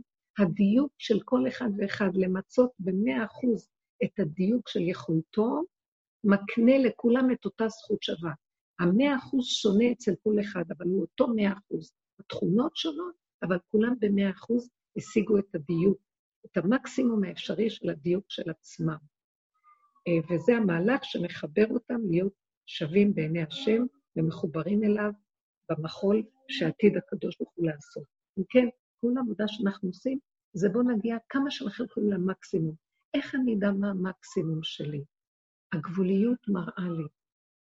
יש מצבים שאני מרגישה שאני אה, לא יכולה יותר, אם אני אעשה יותר, אני אכנס לרוגז, אני אכנס למצב שהוא יוצא מהכאן ועכשיו, והשלווה והייחודיות.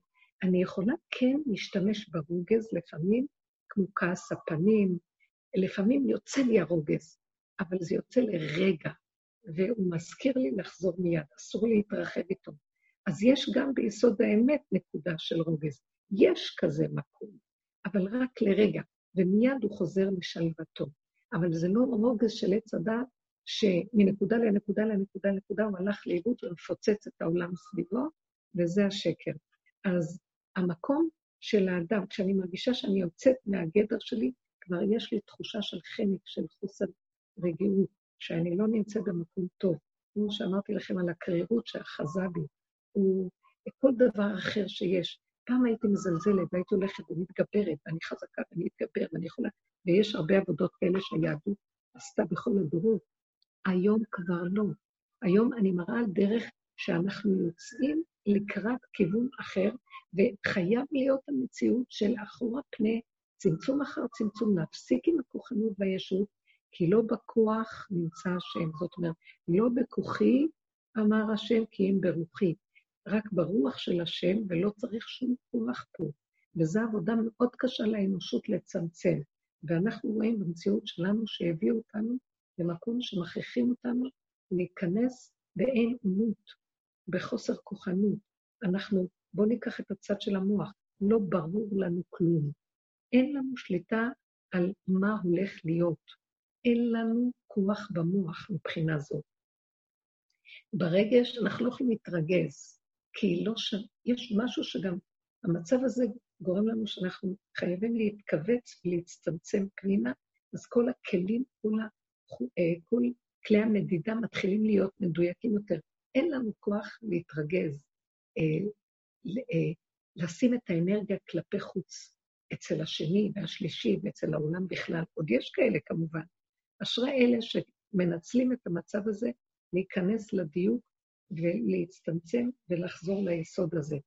אה, במקום הזה של לחזור כל הזמן פנימה, מגיע, מגיע, אנחנו נוגעים בנקודת הגולם ונקודת הדיוק, והמהלך של המהפך מאוד מאוד קרוב אלינו.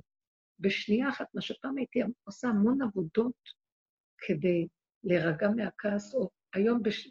בזמן מאוד קצר. אני מפסיקה, אני אומרת, וזה מפסיק. פעם הייתי צריכה לעבוד מאוד קשה, כולנו. היינו צריכים מאוד לעבוד. היום זה קורה. זה קורה כי אנחנו בגבול. אנחנו יותר מדויקים, ומופיע, ונוגעים בשורשים. ומופיע בשורש האור שמסדר את הכול. ואנחנו מחפשים את האור הזה. אנחנו רוצים להגיע אליו, ומהמקום הזה אה, יתחילו להתגלות עלינו, תתחיל להתגלות התודעה של ימות המשיח. כמו שאמרתי, שכתוב בספרים הקדושים מלא שמדבר על זה, עץ אה, חיים, שימות המשיח הם תהליך שלאט לאט לאט יתחיל להיות שינוי בעולם. השינוי זה שבאמת אה, המהלך של הזוהמה והרע יתבטלו. עכשיו, מה זה הזוהמה והרע? זה הדמיון של עץ הדעת. הוא אומר לנו זה רע, הוא אומר לנו זה מכוער, הוא אומר לנו זה זוהמה, וככה גם אנחנו מתייחסים, כאילו בתורה. באמת, באמת, באמת, כשאדם נכנס לאותו הגדרה, אחורה, אחורה, אחורה, מקבל, מסכים, נוגע בזה, אה, מקבל אחריות, שזה המוח שלו, והוא נוגע בגבול שלו, הוא אומר, אין לי כוח לסעור רגשית עם זה, אני מקבל את הכול איך שזה ככה, שיהרגו אותי, זה מה יש, זה מה שאני, המקום הזה מפרק את תודעת הצדה. נגמר הרע, אין רע. זאת אומרת, זה איך שזה ככה. ההגדרה הזאת היא, התה...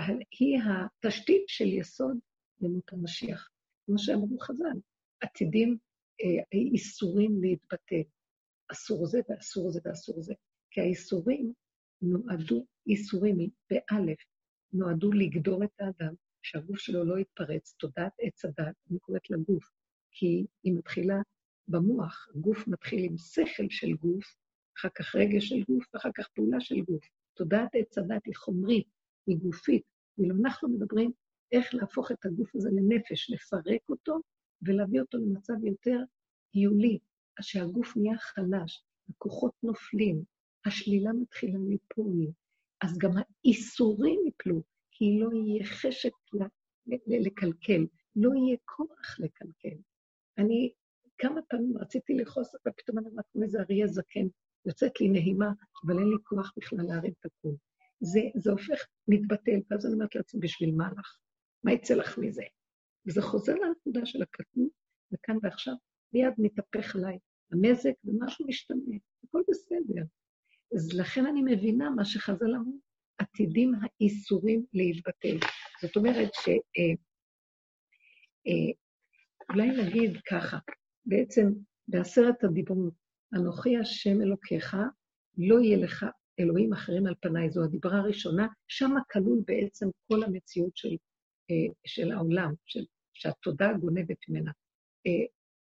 אנוכי השם אלוקיך, זה התודעה של הגילוי של השם. לא, וכל החיוביות והמצוות תעשה וכל הדברים החיוביים שיוצאים מזה. לא יהיה לך אלוהים אחרים על פניי, זה כל היסוד של עבודה זרה, שהיא, אה, ממנה נוצרו כל האיסורים והדינים, אסור לעשות ככה, אסור לעשות ככה, אה, הגדר, הגבול, המידה, הסייגים, זה, זה מהחלק של השמאלי של הלוחות. הראשונים, לוחות השניים, אותו דבר, כן, בעשרת הדיברות. אנוכי השם אלוקיך, זה יסוד האמת. לא יהיה לך אלוהים אחרים על פניי, זה תודעת עץ הדת שמתרחבת, שמבלבלת, ש... ואז הדינים והאיסורים הם בעיקר על מצוות לא תעשה, שם נמצאים הדינים, שאנחנו צריכים אה, לגדור את עצמנו ולהיזהר שלא לקלקל. אז ברגע שאנחנו יותר ויותר מתחברים לקו האמצע, זאת אומרת, הקו של. לא של תודעת עץ הדת, קו השורש הפנימי, נופל הכוח הזה של הגוף שרוצה להתפרץ ולעבור את הגדר, גבול ומידה, אז הוא מאידך גיסא גם לא צריך את האיסור, הוא לא צריך שיאסרו לו, יאסרו אותו בדבר הזה ויגידו לו, זה אסור. אה, גם העניין של המותר וגם העניין של האסור יתחיל להתפרק, כי זה דבר והיפוכו, וגם העניין הזה של המועדות עתידים להתבטל. גם התפילות, יישאר רק תפילת הודיה. המועדות, יישאר היסוד של אה, כל חג אה, כל יום חול יהיה כמו חול המועד, אוכל נפש. כל היום רק נאכל ונבשל. שימו לב, רבותיי, אנחנו קצת משדרגים את הימים בימינו אלה. אנחנו הרבה נמצאים בבתים והרבה אוכלים. והימים נראים עלינו כימים של חג באיזשהו מקום. מין חג, חול מועד כזה, שמתמשך, כי אנחנו לא פועלים פעולות רגילות, ואנחנו הרבה בבית ובמטבח מבשלים ואוכלים, הולכים לקנות וחוזרים בכל מועד, מותר לקנות ומותר לבשל, מתמקדים באוכל נפש. אז ימות חול הופכים להיות כמו חול המועד, והמועד עצמו יהיה כמו חג, זו דרגה עוד יותר של שביתה, ושבת בכלל יהיה מצב שהוא בדרגה אחרת ממה שחווינו עד כה. המוח של אסור מותר, כן ולא, חרדה מלווה אותנו תמיד, שצריכים לדעת את ההלכות שבת כדי שלא נחטא, ניפול, והבריאה תבוא לקראתנו, ומאליו העולם, הבריאה תשמור עלינו, ומאליו נדע מה אנחנו צריכים, מה לא. בלי שהמוח יבהיל אותנו, אה, כי אנחנו מפחדים, אולי שכחנו, אולי לא נזכור, אולי אנחנו נדייק, יש המון פרטי פרטים ויש כל מיני דיוקים, ובמהלך הזה הכול ייפול ויישאר הכול פשוט, שיתקיים מאליו, והבן אדם יהיה רק הכלי. לכן, כל העניין של לימוד המשיח, שזה הולך ומתחלף מיום ליום, ממדרגה למדרגה, אה, ויהיה משהו אחר, בסוף זה יהיה משהו אחר לגמרי ממה שחווינו וראינו עד כה. ואנחנו, אה, אני שומעת סיפורים מעניינים מאוד, מי שהיום התקשרה מהחברות ואמרה לי שהיא חיתנה את הבת שלה בבית, היא עשתה לה חתונה בבית, כי זה היה בימים שלפני פסח, הכל התחיל להיות סגור, והיא ראתה שהיא מאבדת את הפחדה מה יהיה לאחר ואיך זה יהיה ומה, אז היא החליטה שבחצר היא תעשה את החתונה. עכשיו, אה, המחותנים, במקרה שלה, שהיא חיתנה בת, בדרך כלל נהוג כשעושים את החתונה, איפה שהבנות גרות או נמצאות. לפעמים זה באמצע. בכל אופן, היא רצתה שזה יהיה אצלהם, בעיר שלה, לקחת אולם וזה.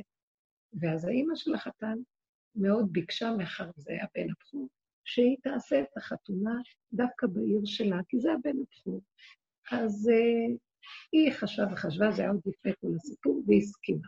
אז מצאו אולם שם, עכשיו האימא שם אומרת, בגלל שזה הבן הבכור, אני רוצה שיהיה מפורר, אני רוצה שיהיה זה, שיהיה תזמורת כזאת ושיהיה ככה. והאימא הזאת אמרה, אבל אני לא רוצה את כל הדבר הגדול הזה, אני כבר מחתנת את האחרונה שלי, אני לא רוצה את כל הסיפור. אבל היא נכנסה למקום שאמרה, ריבונו שלום, אני לא הולכת מדרכי שלום להתווכח, לריב, אני כאן נותנת את האפשרויות, אבל אתה יודע את היכולות שלי, ואני לא רוצה להתווכח עם הפתנים, אין לי כוח. אני אומרת, פתאום הכול התהפך, סגרו את כל האפשרויות, אין כלום, ולא נשארה שום ברירה שבסוף הכול חזר אצלה, וברמה שהיא לא האמינה, שלא נדרש הוצאה כלכלית כל כך גדולה, ולא נדרש כל התפאורה וכל הזה, עשו חתונה מאוד יפה, והשכנים נדבו בית מימוד, ובכלל היה שטח יותר גדול, וכך היה חצר ושני בתים ביניהם.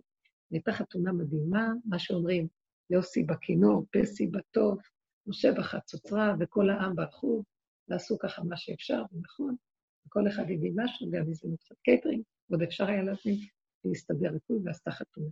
זה לא ימים כתקנם. שאנחנו נוותר על חתונה באולם ויעשו חתונה בבית.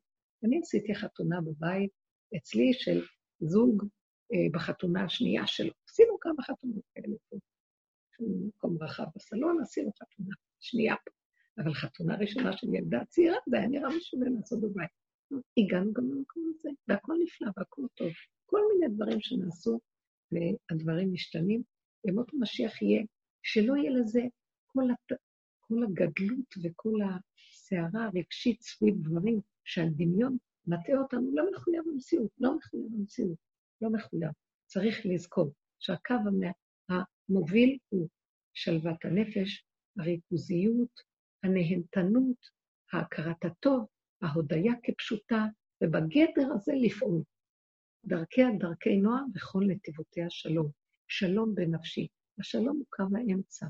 כשיש שלום בנפש, רגיעות, שלווה, מתיקות, לא לרגע להתלהב, ניקח חובות, נרוץ, נעוף על עצמנו, לא. וזה ברכה, זה ברכה, שמה ברכה שורה. וברכתיך בכל אשר תעשה. פעולה קטנה שאת עושה, יש ברכה. שהיא בכלל לא אה, נמדדת בכמות של הממון ובגודל של העולם, ובסוג התזמורת כזה או אחר, לא יודעת מה, אינני יודעת, ובסופו של דבר שאני יכול לקחת, כמו שאמרנו, מהדבר הכי שנראה שלילי ולהפוך אותו להכי חיובי. מהדבר הכי שהוא לא נראה כלום, יכול להתהפך הכול. וזו החוכמה של התודעה החדשה. זו החוכמה המדהימה שהיא באה מכיוון הפוך לגמרי. נתיב עית לא ידעו.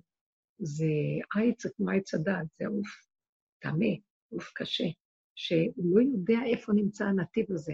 הוא מחפש אותו או בימין או בשמאל, או בגדלות, בגאווה, בכוחנות, בהתנסות, או בייאוש והנחדלות. ואילו זה לא זה ולא זה, זה איך שזה ככה, הכל בסדר. נקודה שלי, אני, אז, אז uh, מישהי אמרה לי, אני לא יכולה כבר לחיות בעולם, קשה לי פה, קשה לי. אמרתי, אין עולם אחר, אין לנו כדור אחר, זה העולם שלנו. איפה שאת נמצאת, בבית, בנקודה, במציאות שלך, כל הכל, הכל. בתוך המקום הזה, שם את נדרשת. תתאפסי לרגע, תגיעי, תגיעי בנקודת האיזון, תסגרי את המוח, נעלם המציאות שאת לא יכולה לסבול. זה דמיון, אין לי לאן ללכת. ימות המשיח יהיו בעולם הזה, לא בשמיים היא. המפתח נמצא פה. השם ייתן לנו את המפתח לכל האוצרות פה. אה, זה מה שאמרו המל... המלאכים, אמרו, נע אותך על השמיים, למה אתה נותן לבני אדם את התורה? תשאיר לנו את התורה. אנחנו מלאכים, אנחנו בעלי אה, דעת נבדלת, אה, והתורה צריכה דעת. אמר להם, אמר השם למשה, משה רבנו תענה להם. ואמר להם משה רבנו, מה? דברים פשוטים. כלום אב ואם יש לכם, אז איך תקיימו את המצוות? אה, כלום כך וככה אתם עושים, נושאים ונותנים, יש לכם כאן זכורות, יש לכם פה עבודות, יש לכם... זאת אומרת שהעיקר של התכלית של האדם, שהוא יחיה בעולם הזה, ועיקר התורה, שהיא התוכנית של הבריאה, שלפני שהיא נשבתה בחוק עץ הדת, היא זכה וברא, תמה, נקייה ויחידה, יחידה תמה ונקייה, שורש השורשים, העומק של כל אה, העומקים, האור של כל האורות, היא התוכנית של החיים, היא אנרגיית החיים, היא השכינה, היא מלכות אור אינסוף. אז ממנה אנחנו יונקים, אבל פה, בעולם הזה.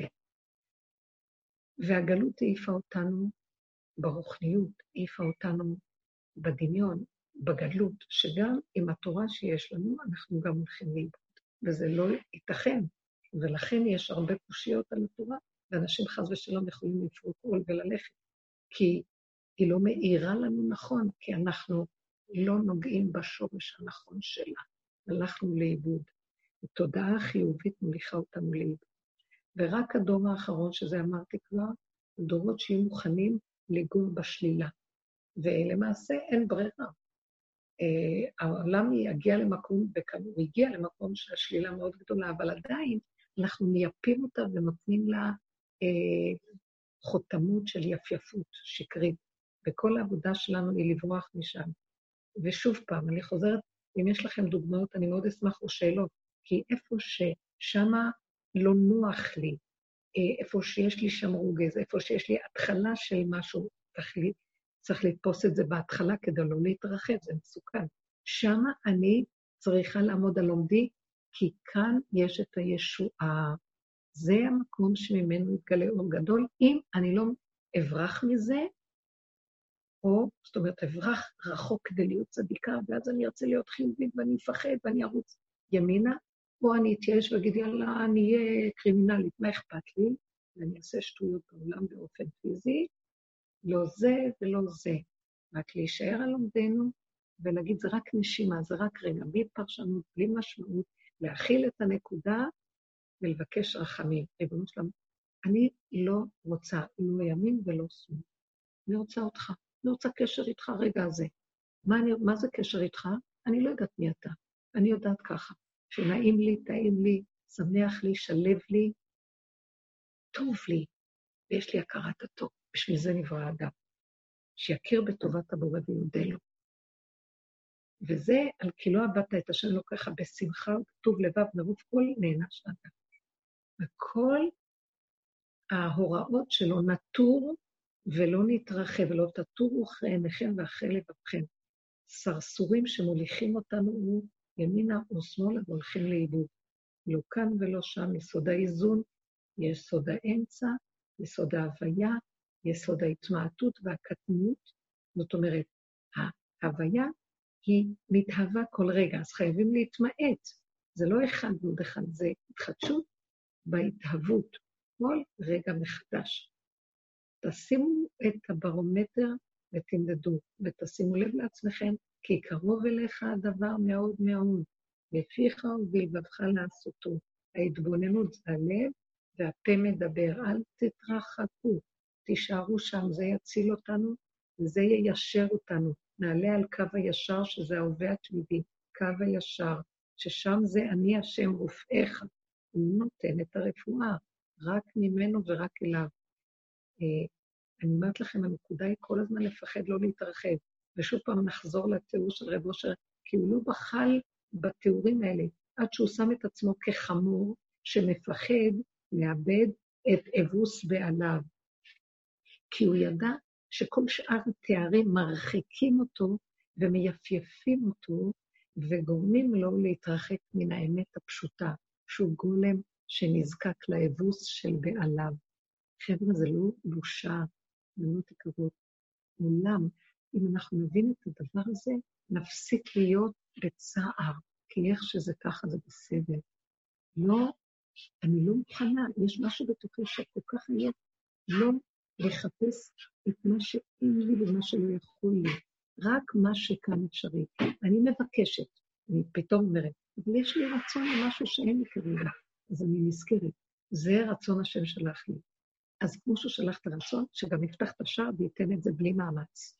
אז אני מצרפת אה, תפילה. כמו שנתת את הרצון שאני רוצה, איזה משהו שכרגע לא קיים אצלי. בשנייה אתה יכול להביא את זה עד אתה יכול לספק את זה. אתה מוכן, אתה, בבקשה, שתורה לי, האדם צריך לעשות פעולה, צריך ליצור כלי, כדי שהשם ייתן לו את זה.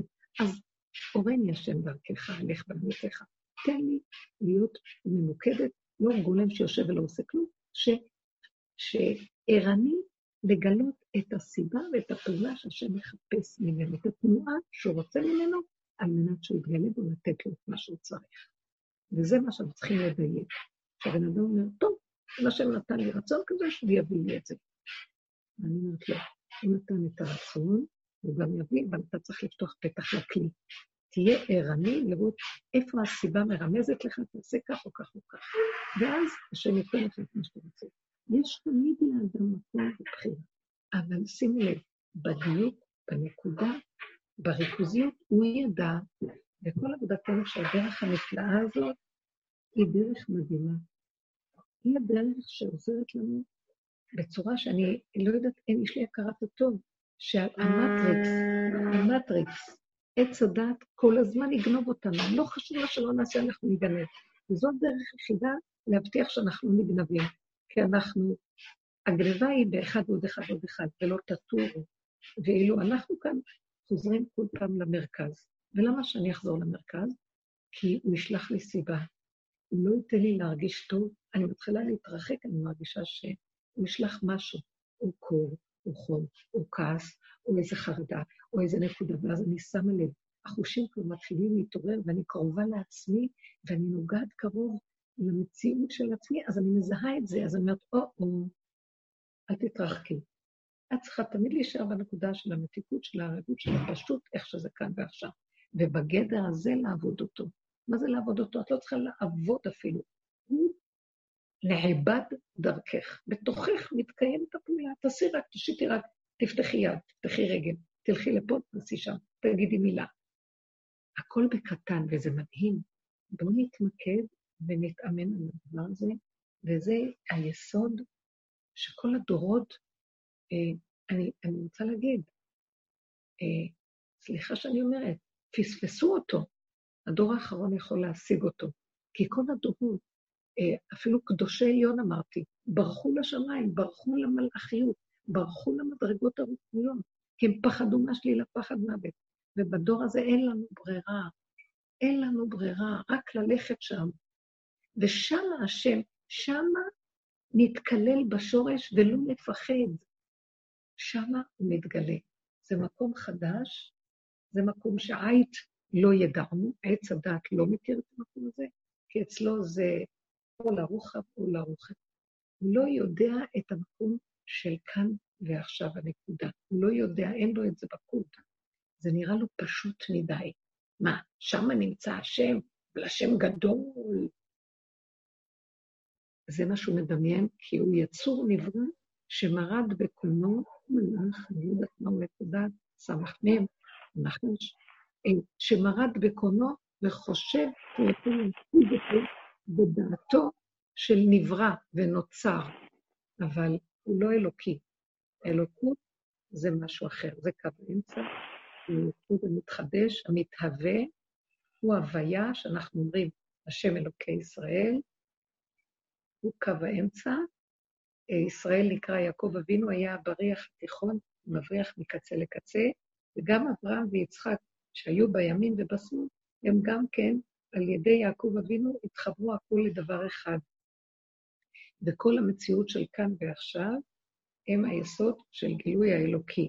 וזה ההוויה שאנחנו אומרים, כותבים את זה י' כדרכי, אבל כשאנחנו מדברים בעולם, אנחנו אומרים אדנות, שזה מלשון שיש לו, אה, הוא אדון עלינו בעולם של המעשה, ויש לו שליטה וכוח עלינו, לא בכוח של בן אדם, אבל זה נקרא ככה. אז אה, שמו את השם הזה שאנחנו משתמשים בזה, של השכינה, שהיא אדוני הארץ, והיא נמצאת כאן בעולם, ואנחנו צריכים את הקיום פה, והגאולה תהיה פה, עד שנבין, נבין שנטעם את עולם הבא פה, כמו שאומרים על שבת מעין עולם הבא, אבל צריך שיהיה לנו, שתחיית המתים, ימות המשיח זה פה, בוא נגיד אחורה. אה, הגלות הייתה פה, קיבוץ גלויות יהיה. ההשתחררות מהגלות, זו העבודה שלנו, ההכנה לימות המשיח פה. ימות המשיח זה פה, תחיית המתים זה פה, וגם עולם הבא יתחיל פה. אחר כך הוא ילך לכיוון אחר. אבל הכל פה, והכל ישתדרג לפה. בעולם האצילות, שזה הדרגות האלוקיות, יתחילו להתגלות פה, מה שאין כאן כרגע בעולם גילוי שלהם, אה, שזה השגחה הפרטית הקבועה, ואדם יראה עין בעין, יראו בשבע, בשוב ושוב ציון, שזה יהיה בחישוב. האם יש לכם אה, איזו שאלה? כן, הרבנית. כן. הרבנית, יש לי שאלה. כן. אה, זאת אלה משחר. כן. תודה ליחסים, מה שלומך? אה, קודם כל, תודה על השיעורים האחרונים, היו פשוט אחד-אחד כן. מדהימים. ברוך השם, ברוך השם. כן. אבל כשאת מדברת, כאילו עולה לי משהו. בכלל הימים האחרונים הם לא כל כך פשוטים נראה לי, מאז פסח, איכשהו עליי עוברים. אה, משהו אנרגטי כזה, לא יודעת להגיד. שמה? אבל אני מנסה להבין שאת אומרת להיכנס לתוך השלילה. אני אתן דוגמה. נניח שאני בטוב שלי ובשקט שלי ולא נכנסת ב- בתוך הסער של מישהו אחר, נגיד בזוגיות, פתאום את יודעת, כאילו, כן. אבל זה מפריע לי, כאילו, אני, אני באיזשהו מקום בשלי, לא מגיבה, לא עונה, לא משחקת את המשחק. אבל לאט לאט מסתבר בתוכי איזה מין אה, מקום של התרחקות, כאילו, מין... אה, תקשיבי, בעבודה שעשינו... אלא, בקבוצות שעשינו, בכל העבודות, ואתם קצת, בקבוצה שלכם הופעתם קצת בזמן האחרון, עבדנו מאוד מאוד על הנקודה, שדיברתי אה, בדיוק אתמול עם איזו אישה שגם התייעצה איתי, ואמרתי לה, מה את שמה לב אליו? מה לך ולא? מצחיק להגיד את זה, יאי, הוא בעלי, מה מה? נכון, כן. אבל אם זה מרגיז אותך וממית אותך, מה לך ולא? מה את מחפשת הצדקה להרגיש שלילה? תברחי מזה, אל תברחי ממנו, תברחי מהמוח שלך שנאחז בו, מתעלק עליו, על הדמות, מפרש אותו, אה, מתחיל להסביר לעצמו מה, נותן דעה, נותן הרגשה. שחררי את הדמות, תמחקי אותו. הוא קיים, הוא גם באיזה פינה בבית. למה הוא במוחך? העבודה שעשינו כן. בכל הקבוצות שעבדו זה לפרק ולשלול, לפרק ולשלול. אני לא עשיתי את זה בגלל שאני חסה עליו, אני חסה על עצמי. אני לא נגדו, אני בעד עצמי. אני לא נגד אף אחד, לא רוצה להתערב באף אחד, רוצה שלי יהיה טוב. כשהבן אדם ידע את ערכו ואת יחידתו, וישאף לחזור לשם כל הזמן, זה המקום שיחבר אותו בצורה נכונה לבן זוג. מאליו יהיה חיבור שאינו תלוי בדבר, כי כוח האנרגטי השורשי שאת נוגעת בו, כשאת עושה את החזור לאחורייך, מה זה החזור? תוותרי על הריב איתו, תוותרי על השיחה. טוב, את ויתרת על החיצוניות, אבל בתוך הנפש נשאר לך טרוניה, נשאר לך כאב, נשאר לך כן. חשבון, נשאר לך אה, טענה ומענה. ואז את זה תפרקי. למה נשאר לי, תגידי? אני לא רוצה את המחשבות האלה, לא מעניין אותי, זה ילדותי. אני לא מחפשת איזו מסכנות לחיות ממנה. שימי לב, אנשים חיות מהמסכנות והרחמנות העצמית. בכל הדורות היינו כל כך בעילבון, שכל הזמן היינו נדחות, ואז חיינו מהמסכנות ומהלוקחות ללב, אה, מקורסון, מה שאומרים, איזה סרט טורקי, איזה צער של הלב הדמיוני הזה. מי צריך את זה? תתבגרו. בואו ניכנס לעצמנו, אנחנו גבירות, אנחנו בתוך הנפש, אנחנו הבנות של השם. מופיע עכשיו האור של האבא, האור הגנוז, והוא מתאחד עם מידת החוכמה, אה, ספירת החוכמה, האור הגנוז, והאבא, והאבא יסד את הבת, אבא יסד ברטה, והחיבור של האבא והבת.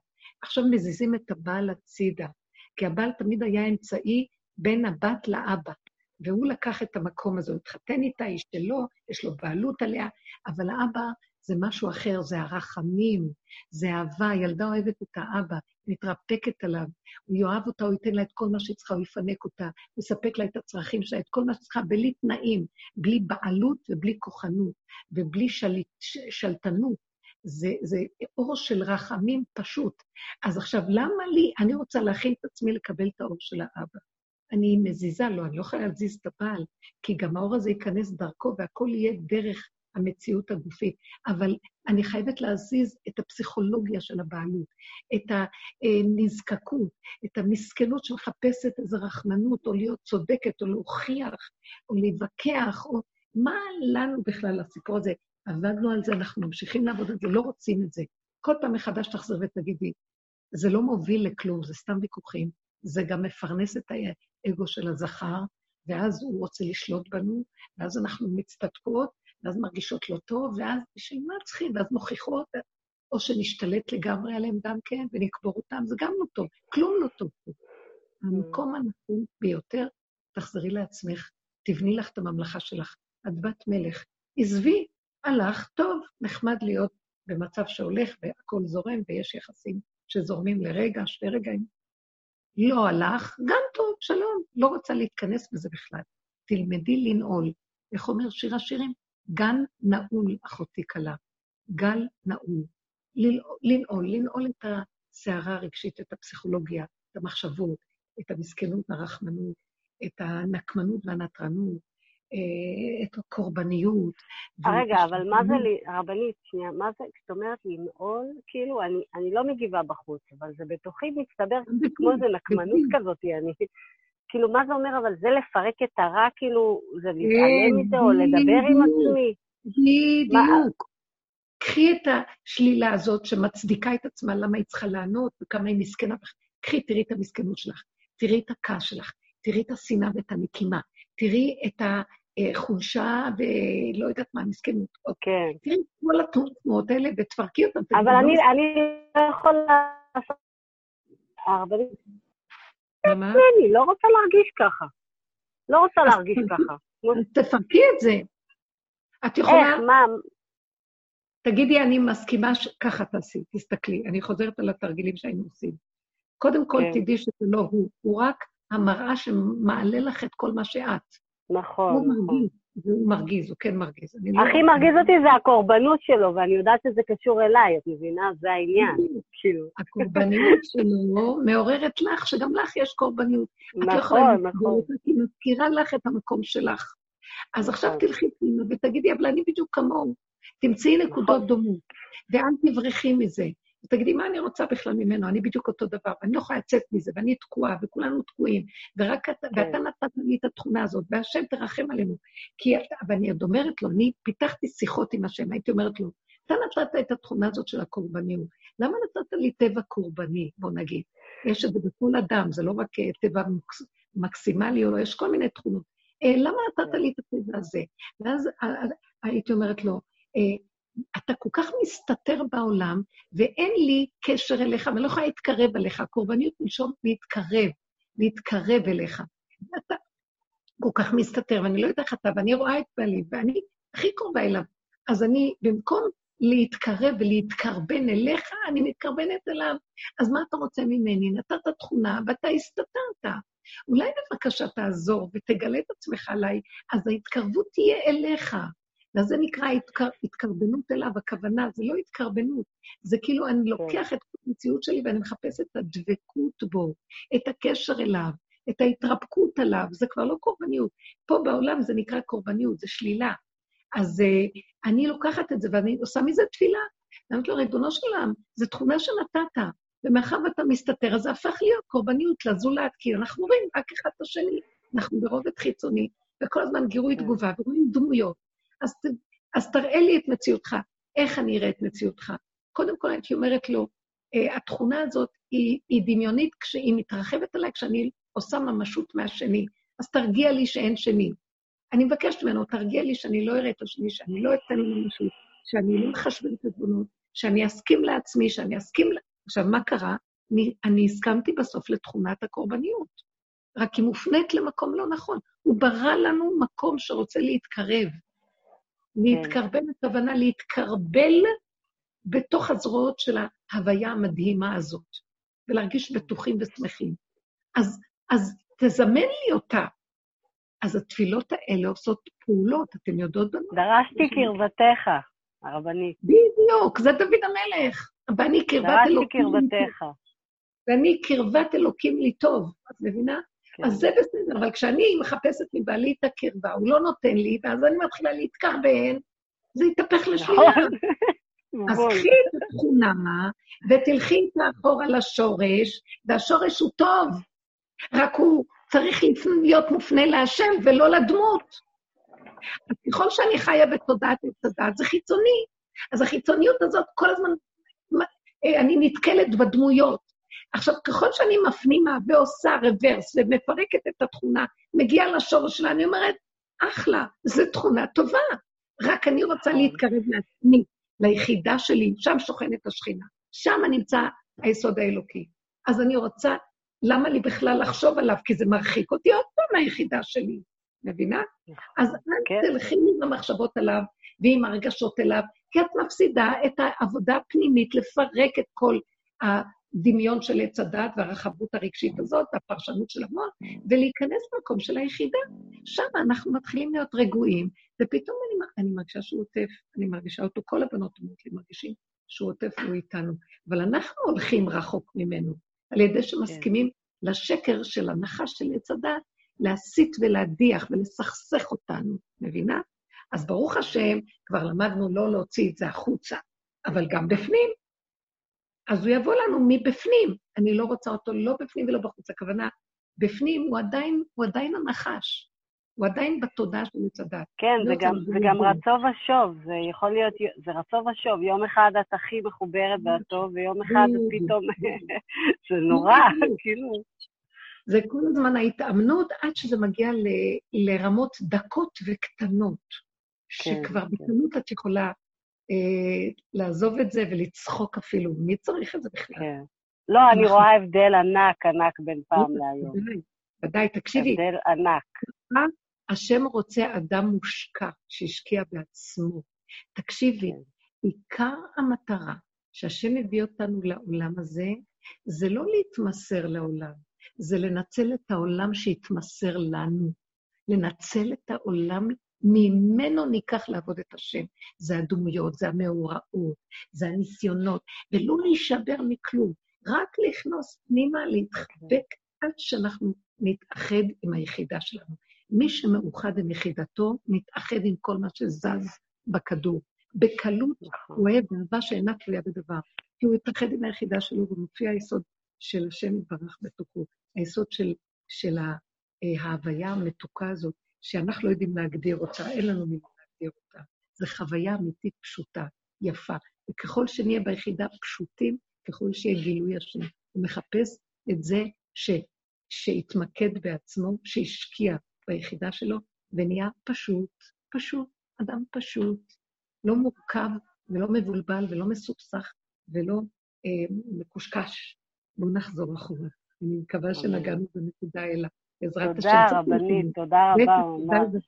אם יש עוד שאלה לבנות, אני שומעת, אם יש עוד שאלה, אבל אם יש מישהו. כן? רבנית? רגע. הרבנית? כן, כן. אה, זאת מיכל מרחובות. כן, מיכל יקרה, מה שלומך? אני מתגעגעת אלייך. כל התקופה הזאת, רק את חסרה לי. לא. היום חג הזה שהייתי באה אלייך. חמודה, אין דבר, זה ימשיך עוד מי יודע. אז העיקר כן. שנהפוך את זה לקשר האמיתי, שהשם יחבר אותנו איפה שאנחנו, ואני מאוד מאוד מעריכה ואוהבת אותך. ברוכה תהיי להשם, מיכלי. מה נשמע? רציתי, רציתי לספר לך איזו תמונה שעלתה לי כן. לפני אה, שהתחיל כל ה... אה, שרק התחיל כל ה... הנגיף הזה, שכאילו הקימו את השכינה, ראיתי אישה אה, בגיל אה, משהו כמו חמישים, מה זה חיזיון? חיזיון שהשם נתן לך, תמונה, חלום, מה זה? תמונה, תמונה.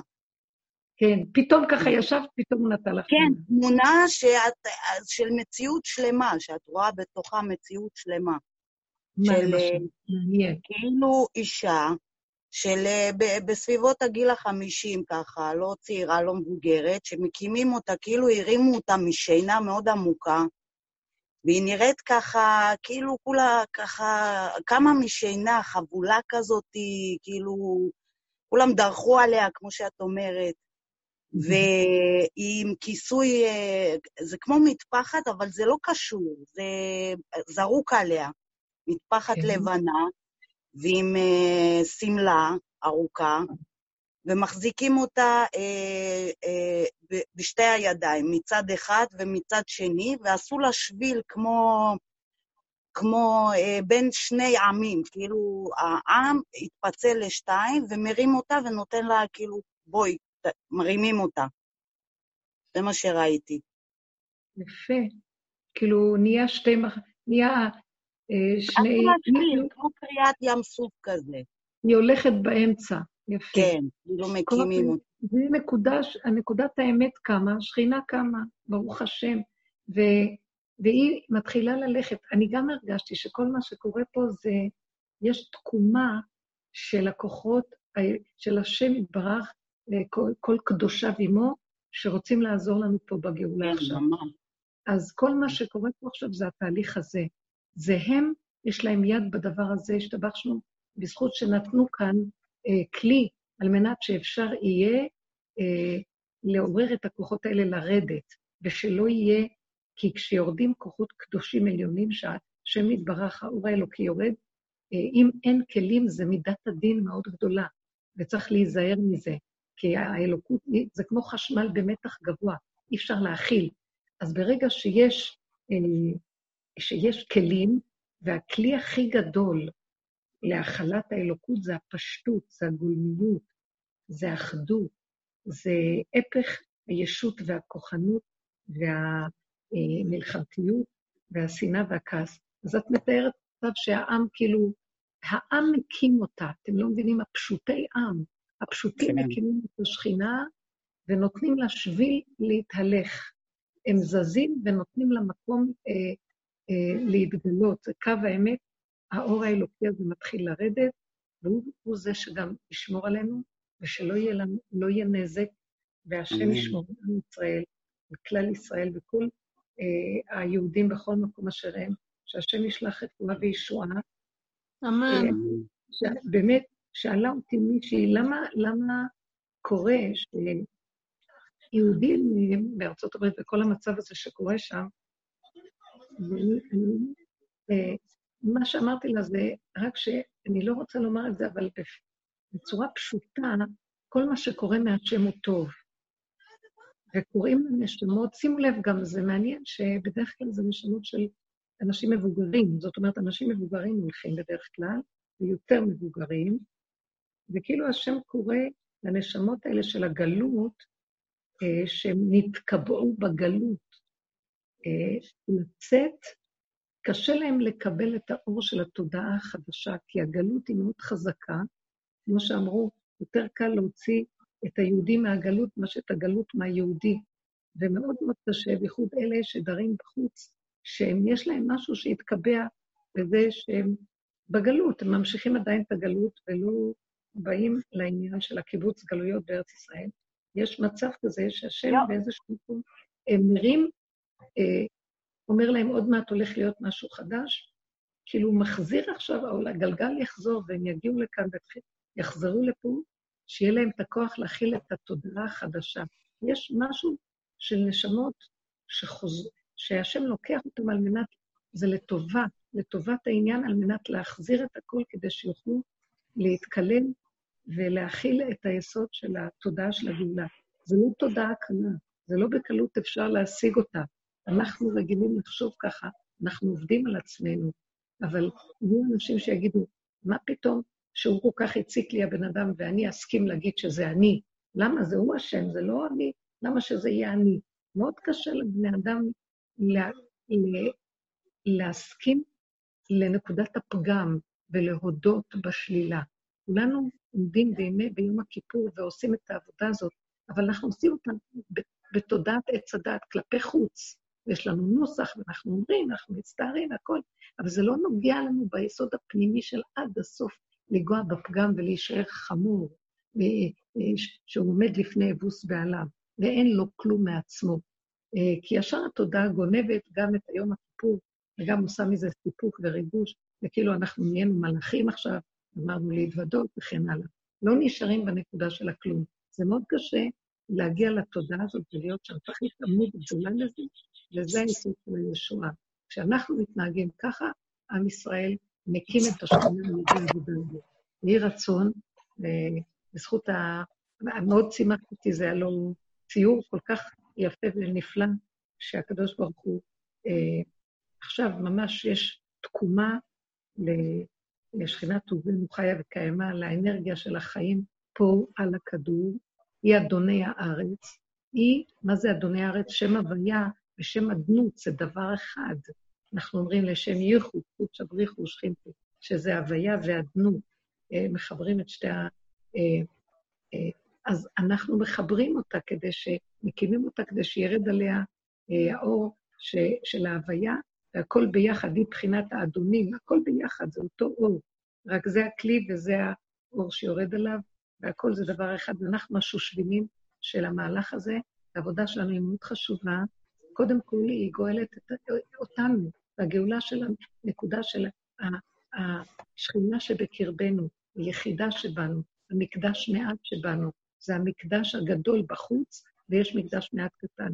יש שכינה כללית ויש את השכינה הפרטית. יש משיח כללי ויש משיח הפרט. אנחנו עובדים בפרט, וזה מה שמאפשר שיהיה משיח הכללי, שיהיה שכינה כוזנו, כמה שיהיה בית מקדש, שכל המהלך הזה גם כלפי חוץ יתקיים ויהיה בצורה הכללית שלו, על ידי עבודת הפרט. אז אני מודה לכולכם באהבה רבה. רגע, תודה, תודה. הרבנית. כן, תודה. כן. רגע, עוד דבר אחד. אה, כן. רציתי להגיד שממש כאילו מרגישים את הנוכחות של הקדוש ברוך הוא, כי הוא ממש לא נותן להתרחב. יום אחד אמרתי לו, אני הולכת בהפקרות, אני לא רואה אותך, אני לא זה, אני הולכת בהפקרות בעולם, מה אכפת לי? את לא מבינה, קצת הישות עלתה, האגו עלה, איזה... נפלתי לקרשים, תקשיבי. ומהקרשים האלה הרגשתי את הרפואה אחר כך, איך הוא ניתק אותי בבת אחת ואמר לי, את לא הולכת שמה. הוא ממש... מיכלי, את מקושרת, השם אשריך.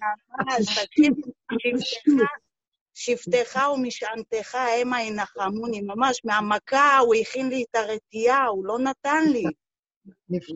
כן, אז כן, כאילו, כמו שאת. אומרת, מידת הדין מאוד חזקה, אבל בתוך המידת הדין הזאת זה רחמים מאוד גדולים. נפלא, נפלא. אשריכם, אשרינו כולנו, ובאמת נהיה שם, ומשם הישועה. כן, מתוקה. הרבנית, כן, כן, אני שומעת. אה, לא התכוונתי להגיד כלום, אבל יצא ככה. זו מרים רחל מבני ברק. כן, עיניים, מה נשמע יקרה? ברוך השם. אה, רציתי להגיד, בגלל שהיא דיברה על זה, אז כבר אה, השבוע יצא לי פעמיים פתאום איזו התפוצצות כזאת, שלא הייתה לי למעלה מעשר שנים.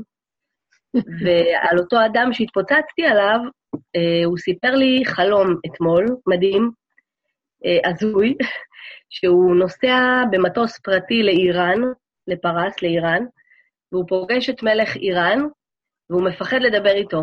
והוא אומר איזה מילה בעברית, אותו אדם, ופתאום המלך של איראן מבין הכל, ממש מבין עברית, והוא מדבר איתו במושגים של יהדות, והמלך הזה מבין הכל, פשוט הכל, מבין את ההלכות, מבין יהדות, כאילו הם מבינים אחד את השני ברמה הזויה, אז הוא שואל אותו בחלום, למה אתה מגיע לישראל? אז הוא אומר לו, כי שמה לא עובדים את השם. אז שלחו אותי.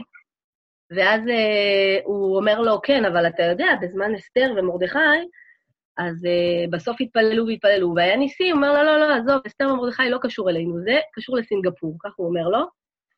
ואז הוא מחבק אותו, אותו מלך, הוא מחבק אותו, והוא אומר לו, אבל אתה יודע, תרחם, אל, אל, אל כאילו, תיכנס בנו עד הסוף. והוא פשוט uh, חיבק אותו, ואחר כך הסתכלנו בספר של חז"ל, אז כתוב שם שאם רואה פני מלך של uh, מדינה מסוימת, יצפה לגאולה, ואם נתן לו שלום, אז זה אומר שה... שהוא אהוב בשמיים. זהו, סתם. למה יצאת עליו? לא הבנתי. אמ, לא יודעת, אני אספר לך בטבע בשתי מילים. לא, אז מה הקשר שאמרת שיצאת עליו? למה שעשר שנים לא יצאת ככה? לא עליו, עשר שנים לא התפוצצתי ככה, וכל הצבעים חזרו לי ככלב ששב על קיו, אמרתי, מה, בורא עולם? את כל העבודה של עשר שנים האחרונות, בשנייה החזרת לי והראית לי שכאילו כלום. תתחילי עכשיו הכל מההתחלה. כמו שנפל. אותו אדם ספציפי, נורא נורא באותו רגע תקומי, וכלום לא היה. כמו שנפל. לא, קמתי, קמתי, קמתי, ברור, זה בכלל לא דיבר אליי. אני, מבחינתי, אפילו הייתה לי שמחה מסוימת. כן. דיברתי להשם רק בשיחה כאילו של אה, מה, כל זה אתה מחזיר בחזרה, כאילו, כל הנפילה הזאת, חשבתי שזה כבר ממני והלאה. התיישבתי על הכיסא. תעצרי, תעצרי. אין כזה דבר לשבת על הכיסא עד יום מותו תחכה לו. אנחנו תמיד תחזרו לכתוב. ברגע הרמת ראש ואמרת, כבר יש לי מדרגה, עץ הדעת נכנס לתמונה. אל תלכו על זה. נכון, אנחנו, זה קורה לנו. מיד תחזרי ותגידי, אין לך כלום, לא היה לך כלום, אין עשר שנים ואין כלום. כל רגע מתחילים מחדש. וזה כל הסוד של הדרך הזאת. הרבנית, אם את שומעת אותי, אני לא שומעת כלום, נעלמת לי. אה, אתן שומעות אותי, אז אולי כאן צריך לסיים, אתן שומעות? מי ששומעת יכולה להגיד אם שומעים אותי. אני שומעת אותך, כן. אז אני אגיד שוב, לא לשכב על שום מדרגה, לא להתרחב על שום נקודה, כי אין לנו כלום. כל פעם לחזור למקום של אל. אה, בא הניסיון הזה כדי לעזור לי לחזור עוד פעם, במילא לא היה לי כלום ואין לי כלום, ואיך שזה ככה, הכול טוב. תמיד תחזרו לנקודה ואל תלכו לאיבוד עם המוח שרוצה לעשות סדר ומקום ומדרגה והשתלשלות וגבוה ולמטה. אין כלום, שמה נמצא אור החדש. שהשם יזכה לנו, שדווקא ממלך איראן, מהרשע, יוצא מהרשעות, מהרשעות, משם, כיתרון האור הבא מן החושך, מי יודע, מה יודעים, רב אושר היה אומר, אנחנו לא נאמין מה שנגלה בסוף, שהשם יזכה לנו, שלהיות בהתכווננות של כאן ועכשיו, דרוכים וערניים ואוחזים, נוכחים וחיים בנשימה עם השם יתברך, ואז לא יזיק כלום ולא יפתיע אותנו כלום, והכל יהיה בסדר. תודה רבה לכם, יקרות. מי שרוצה לשאול עוד משהו? אני רציתי לשאול משהו, כן, כן. הרבנית. אה, רק, רק משהו שדיברת על ה... שאנחנו במועדים לשמחה. וכל הזמן, כל התקופה הזו מרגישה לי כמו, כמו המשכיות של פורים. אז השאלה שלי, את רואה את המועדים לשמחה, לפורים אין מועדים לשמחה וכמעט אין כלום. אה, אה, לא. האם אנחנו מגיעים לפורים מתוך המועדים לשמחה הזו? הם, מה, מה, מה הקשר? וה, והתקופה הזו גם נראית לי כזו כמו פורים כזו, הכל הפוך על הפוך, כמו ה... כמו... נכון, נכון, אמרת יפה. אה, אנחנו היינו סמוכים לפסח, אז אני לקחתי קצת את התחושה של ימי הפסח והמועד, חול המועד וימי המועד והחג עצמו. אבל באמת, באמת חז"ל אמרו שכל המועדות עתידים להתבטל, חוץ מפורים ויום הכיפורים. זאת אומרת, ראש חודש עוד יישאר, יום הכיפורים אה, יישאר, ויום הכיפורים שורשו מאוד מאוד גבוה, י"ג למידות הרחמים, זה האור של העתיקה קדישא. וחנוכה גם, לא? אני לא, אני לא יודעת, שמעתי את זה גם, אבל אני לא מצאתי מקור, יכול להיות שכן. ועל פורים אמרו. אז פורים, חנוכה זה גם כן גילוי של האור הגנוז. עכשיו, אז על פורים כן אמרו, שאלה ימים שלא יאסופו מזרעם, זה ימים, זאת אומרת, זה, זה האור ש... קראתי שזה האור בעצם של, שהוא מאוד מאוד גבוה, זה אור שהוא מעל, מעל ל... אפילו לחיי העולם הבא. זה אור החוכמה, זה אור שאין בו, זה כמו הסיפורים של רבי נחמן, שאין בהם שום סממן יהודי, ויש שם מלך, ויש שם אה, כל מיני דמויות, ואין שום סממנים. אז זה חוזר למקום ש, שלאחר התיקון, ושם יהיה עוז וחדווה במקומו, זה מאיפה שהתורה הגיעה, שזה האור שכתוב עליו, אה, שהתורה אומרת, ויהי אצלו המון, ואהי אצלו. אני הייתי אצלו אמונה, ויהי אצלו המון שעשועים, יום-יום משחקת לפניו.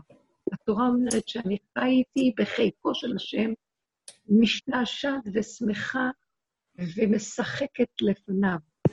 ימים של שמחה, של חוכמה. זה יתגלה שם כל המזימה מאוד נעלמה, שהכל זה משחק, הכל זה כאילו.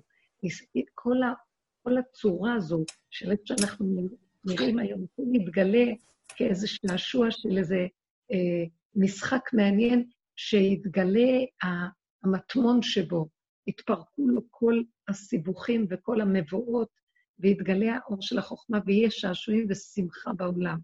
אה, זה מסמל את המסכות ואת הסעודה, ולא יהיה דמיות, דמויות כאלה או כאלה, אלא כי במגילה של אסתר אין שם כמעט סממנים יהודים, כן? לא מופיע שם הוויה, אסתר בתוך בית אחשורוש, והמלך, המילה המלך ואחשורוש מתחלפים תמיד, כן? כאילו מכוון על מלכו של עולם. והכל זה סמלים של לעתיד לבוא, שהמלך אה, מולך על 127 מדינה, סך הכול עשר, שזה המקסימום במספרים, שזה שליטת הקדוש ברוך הוא בעולמו באופן מוחלט, הכל יחזור אליו. כן, בכל, בכל שאר הדברים. אז הדברים האלה, באמת פורים הוא מאוד מאוד חווה את המצב הזה, הלוואי. יש באמת שביבים של חוויה של מצחיק, לא ברור, הכל צחוק. כן יודעים או לא יודעים? מה זה המסכות האלה? מה זה ההתנהגות הזאת? אה, יש באמת מצב כזה או אין מצב כזה? אנחנו לא ברורים. וזה מצב אה, שיש בו אפשרות לפעמים לצחוק. הלוואי ונזכה שזה יהיה הסוף, אה, זה התחלת הסוף, רק שעל ידי עבודתנו אנחנו לא צריכים גם להמתין ולצפות ולחכות מה הסוף, מה לא הסוף, וטיפח רוחם של מחשבי קיצים. אנחנו אנשים פשוטים עם שכל של פשטות ששייך לכאן ועכשיו, ואנחנו מצפים ש... שהשם ייתן לנו ממנו את החוכמה ואת הגילוי המדהים ש... של המסתוריות שיש בתוך כל זה, ולא על ידי זה שאני אשב ואחשב קצים, ואני אחשוב כאן, ואני אחשוב שם, אלא מאליו אנחנו נדע ויהיה לנו שמחה, וכל הפלונטר והתעלומה והמזימה של העולם אה, יתפרק ויהיה שעשועים עוז וחדווה במקומו, הלוואי, ונתחיל לחוות את זה. יש שביבים וחווים את זה, כל אחד כפי מה שהשם מזכה לו. אשרינו שאנחנו שייכים ועומדים במקום הזה וזוכים לחוויות שמספרות כאן הבנות. תודה רבה לכם, יישר כוח גדול, נתעקש ליסוד העבודה. תודה רבה.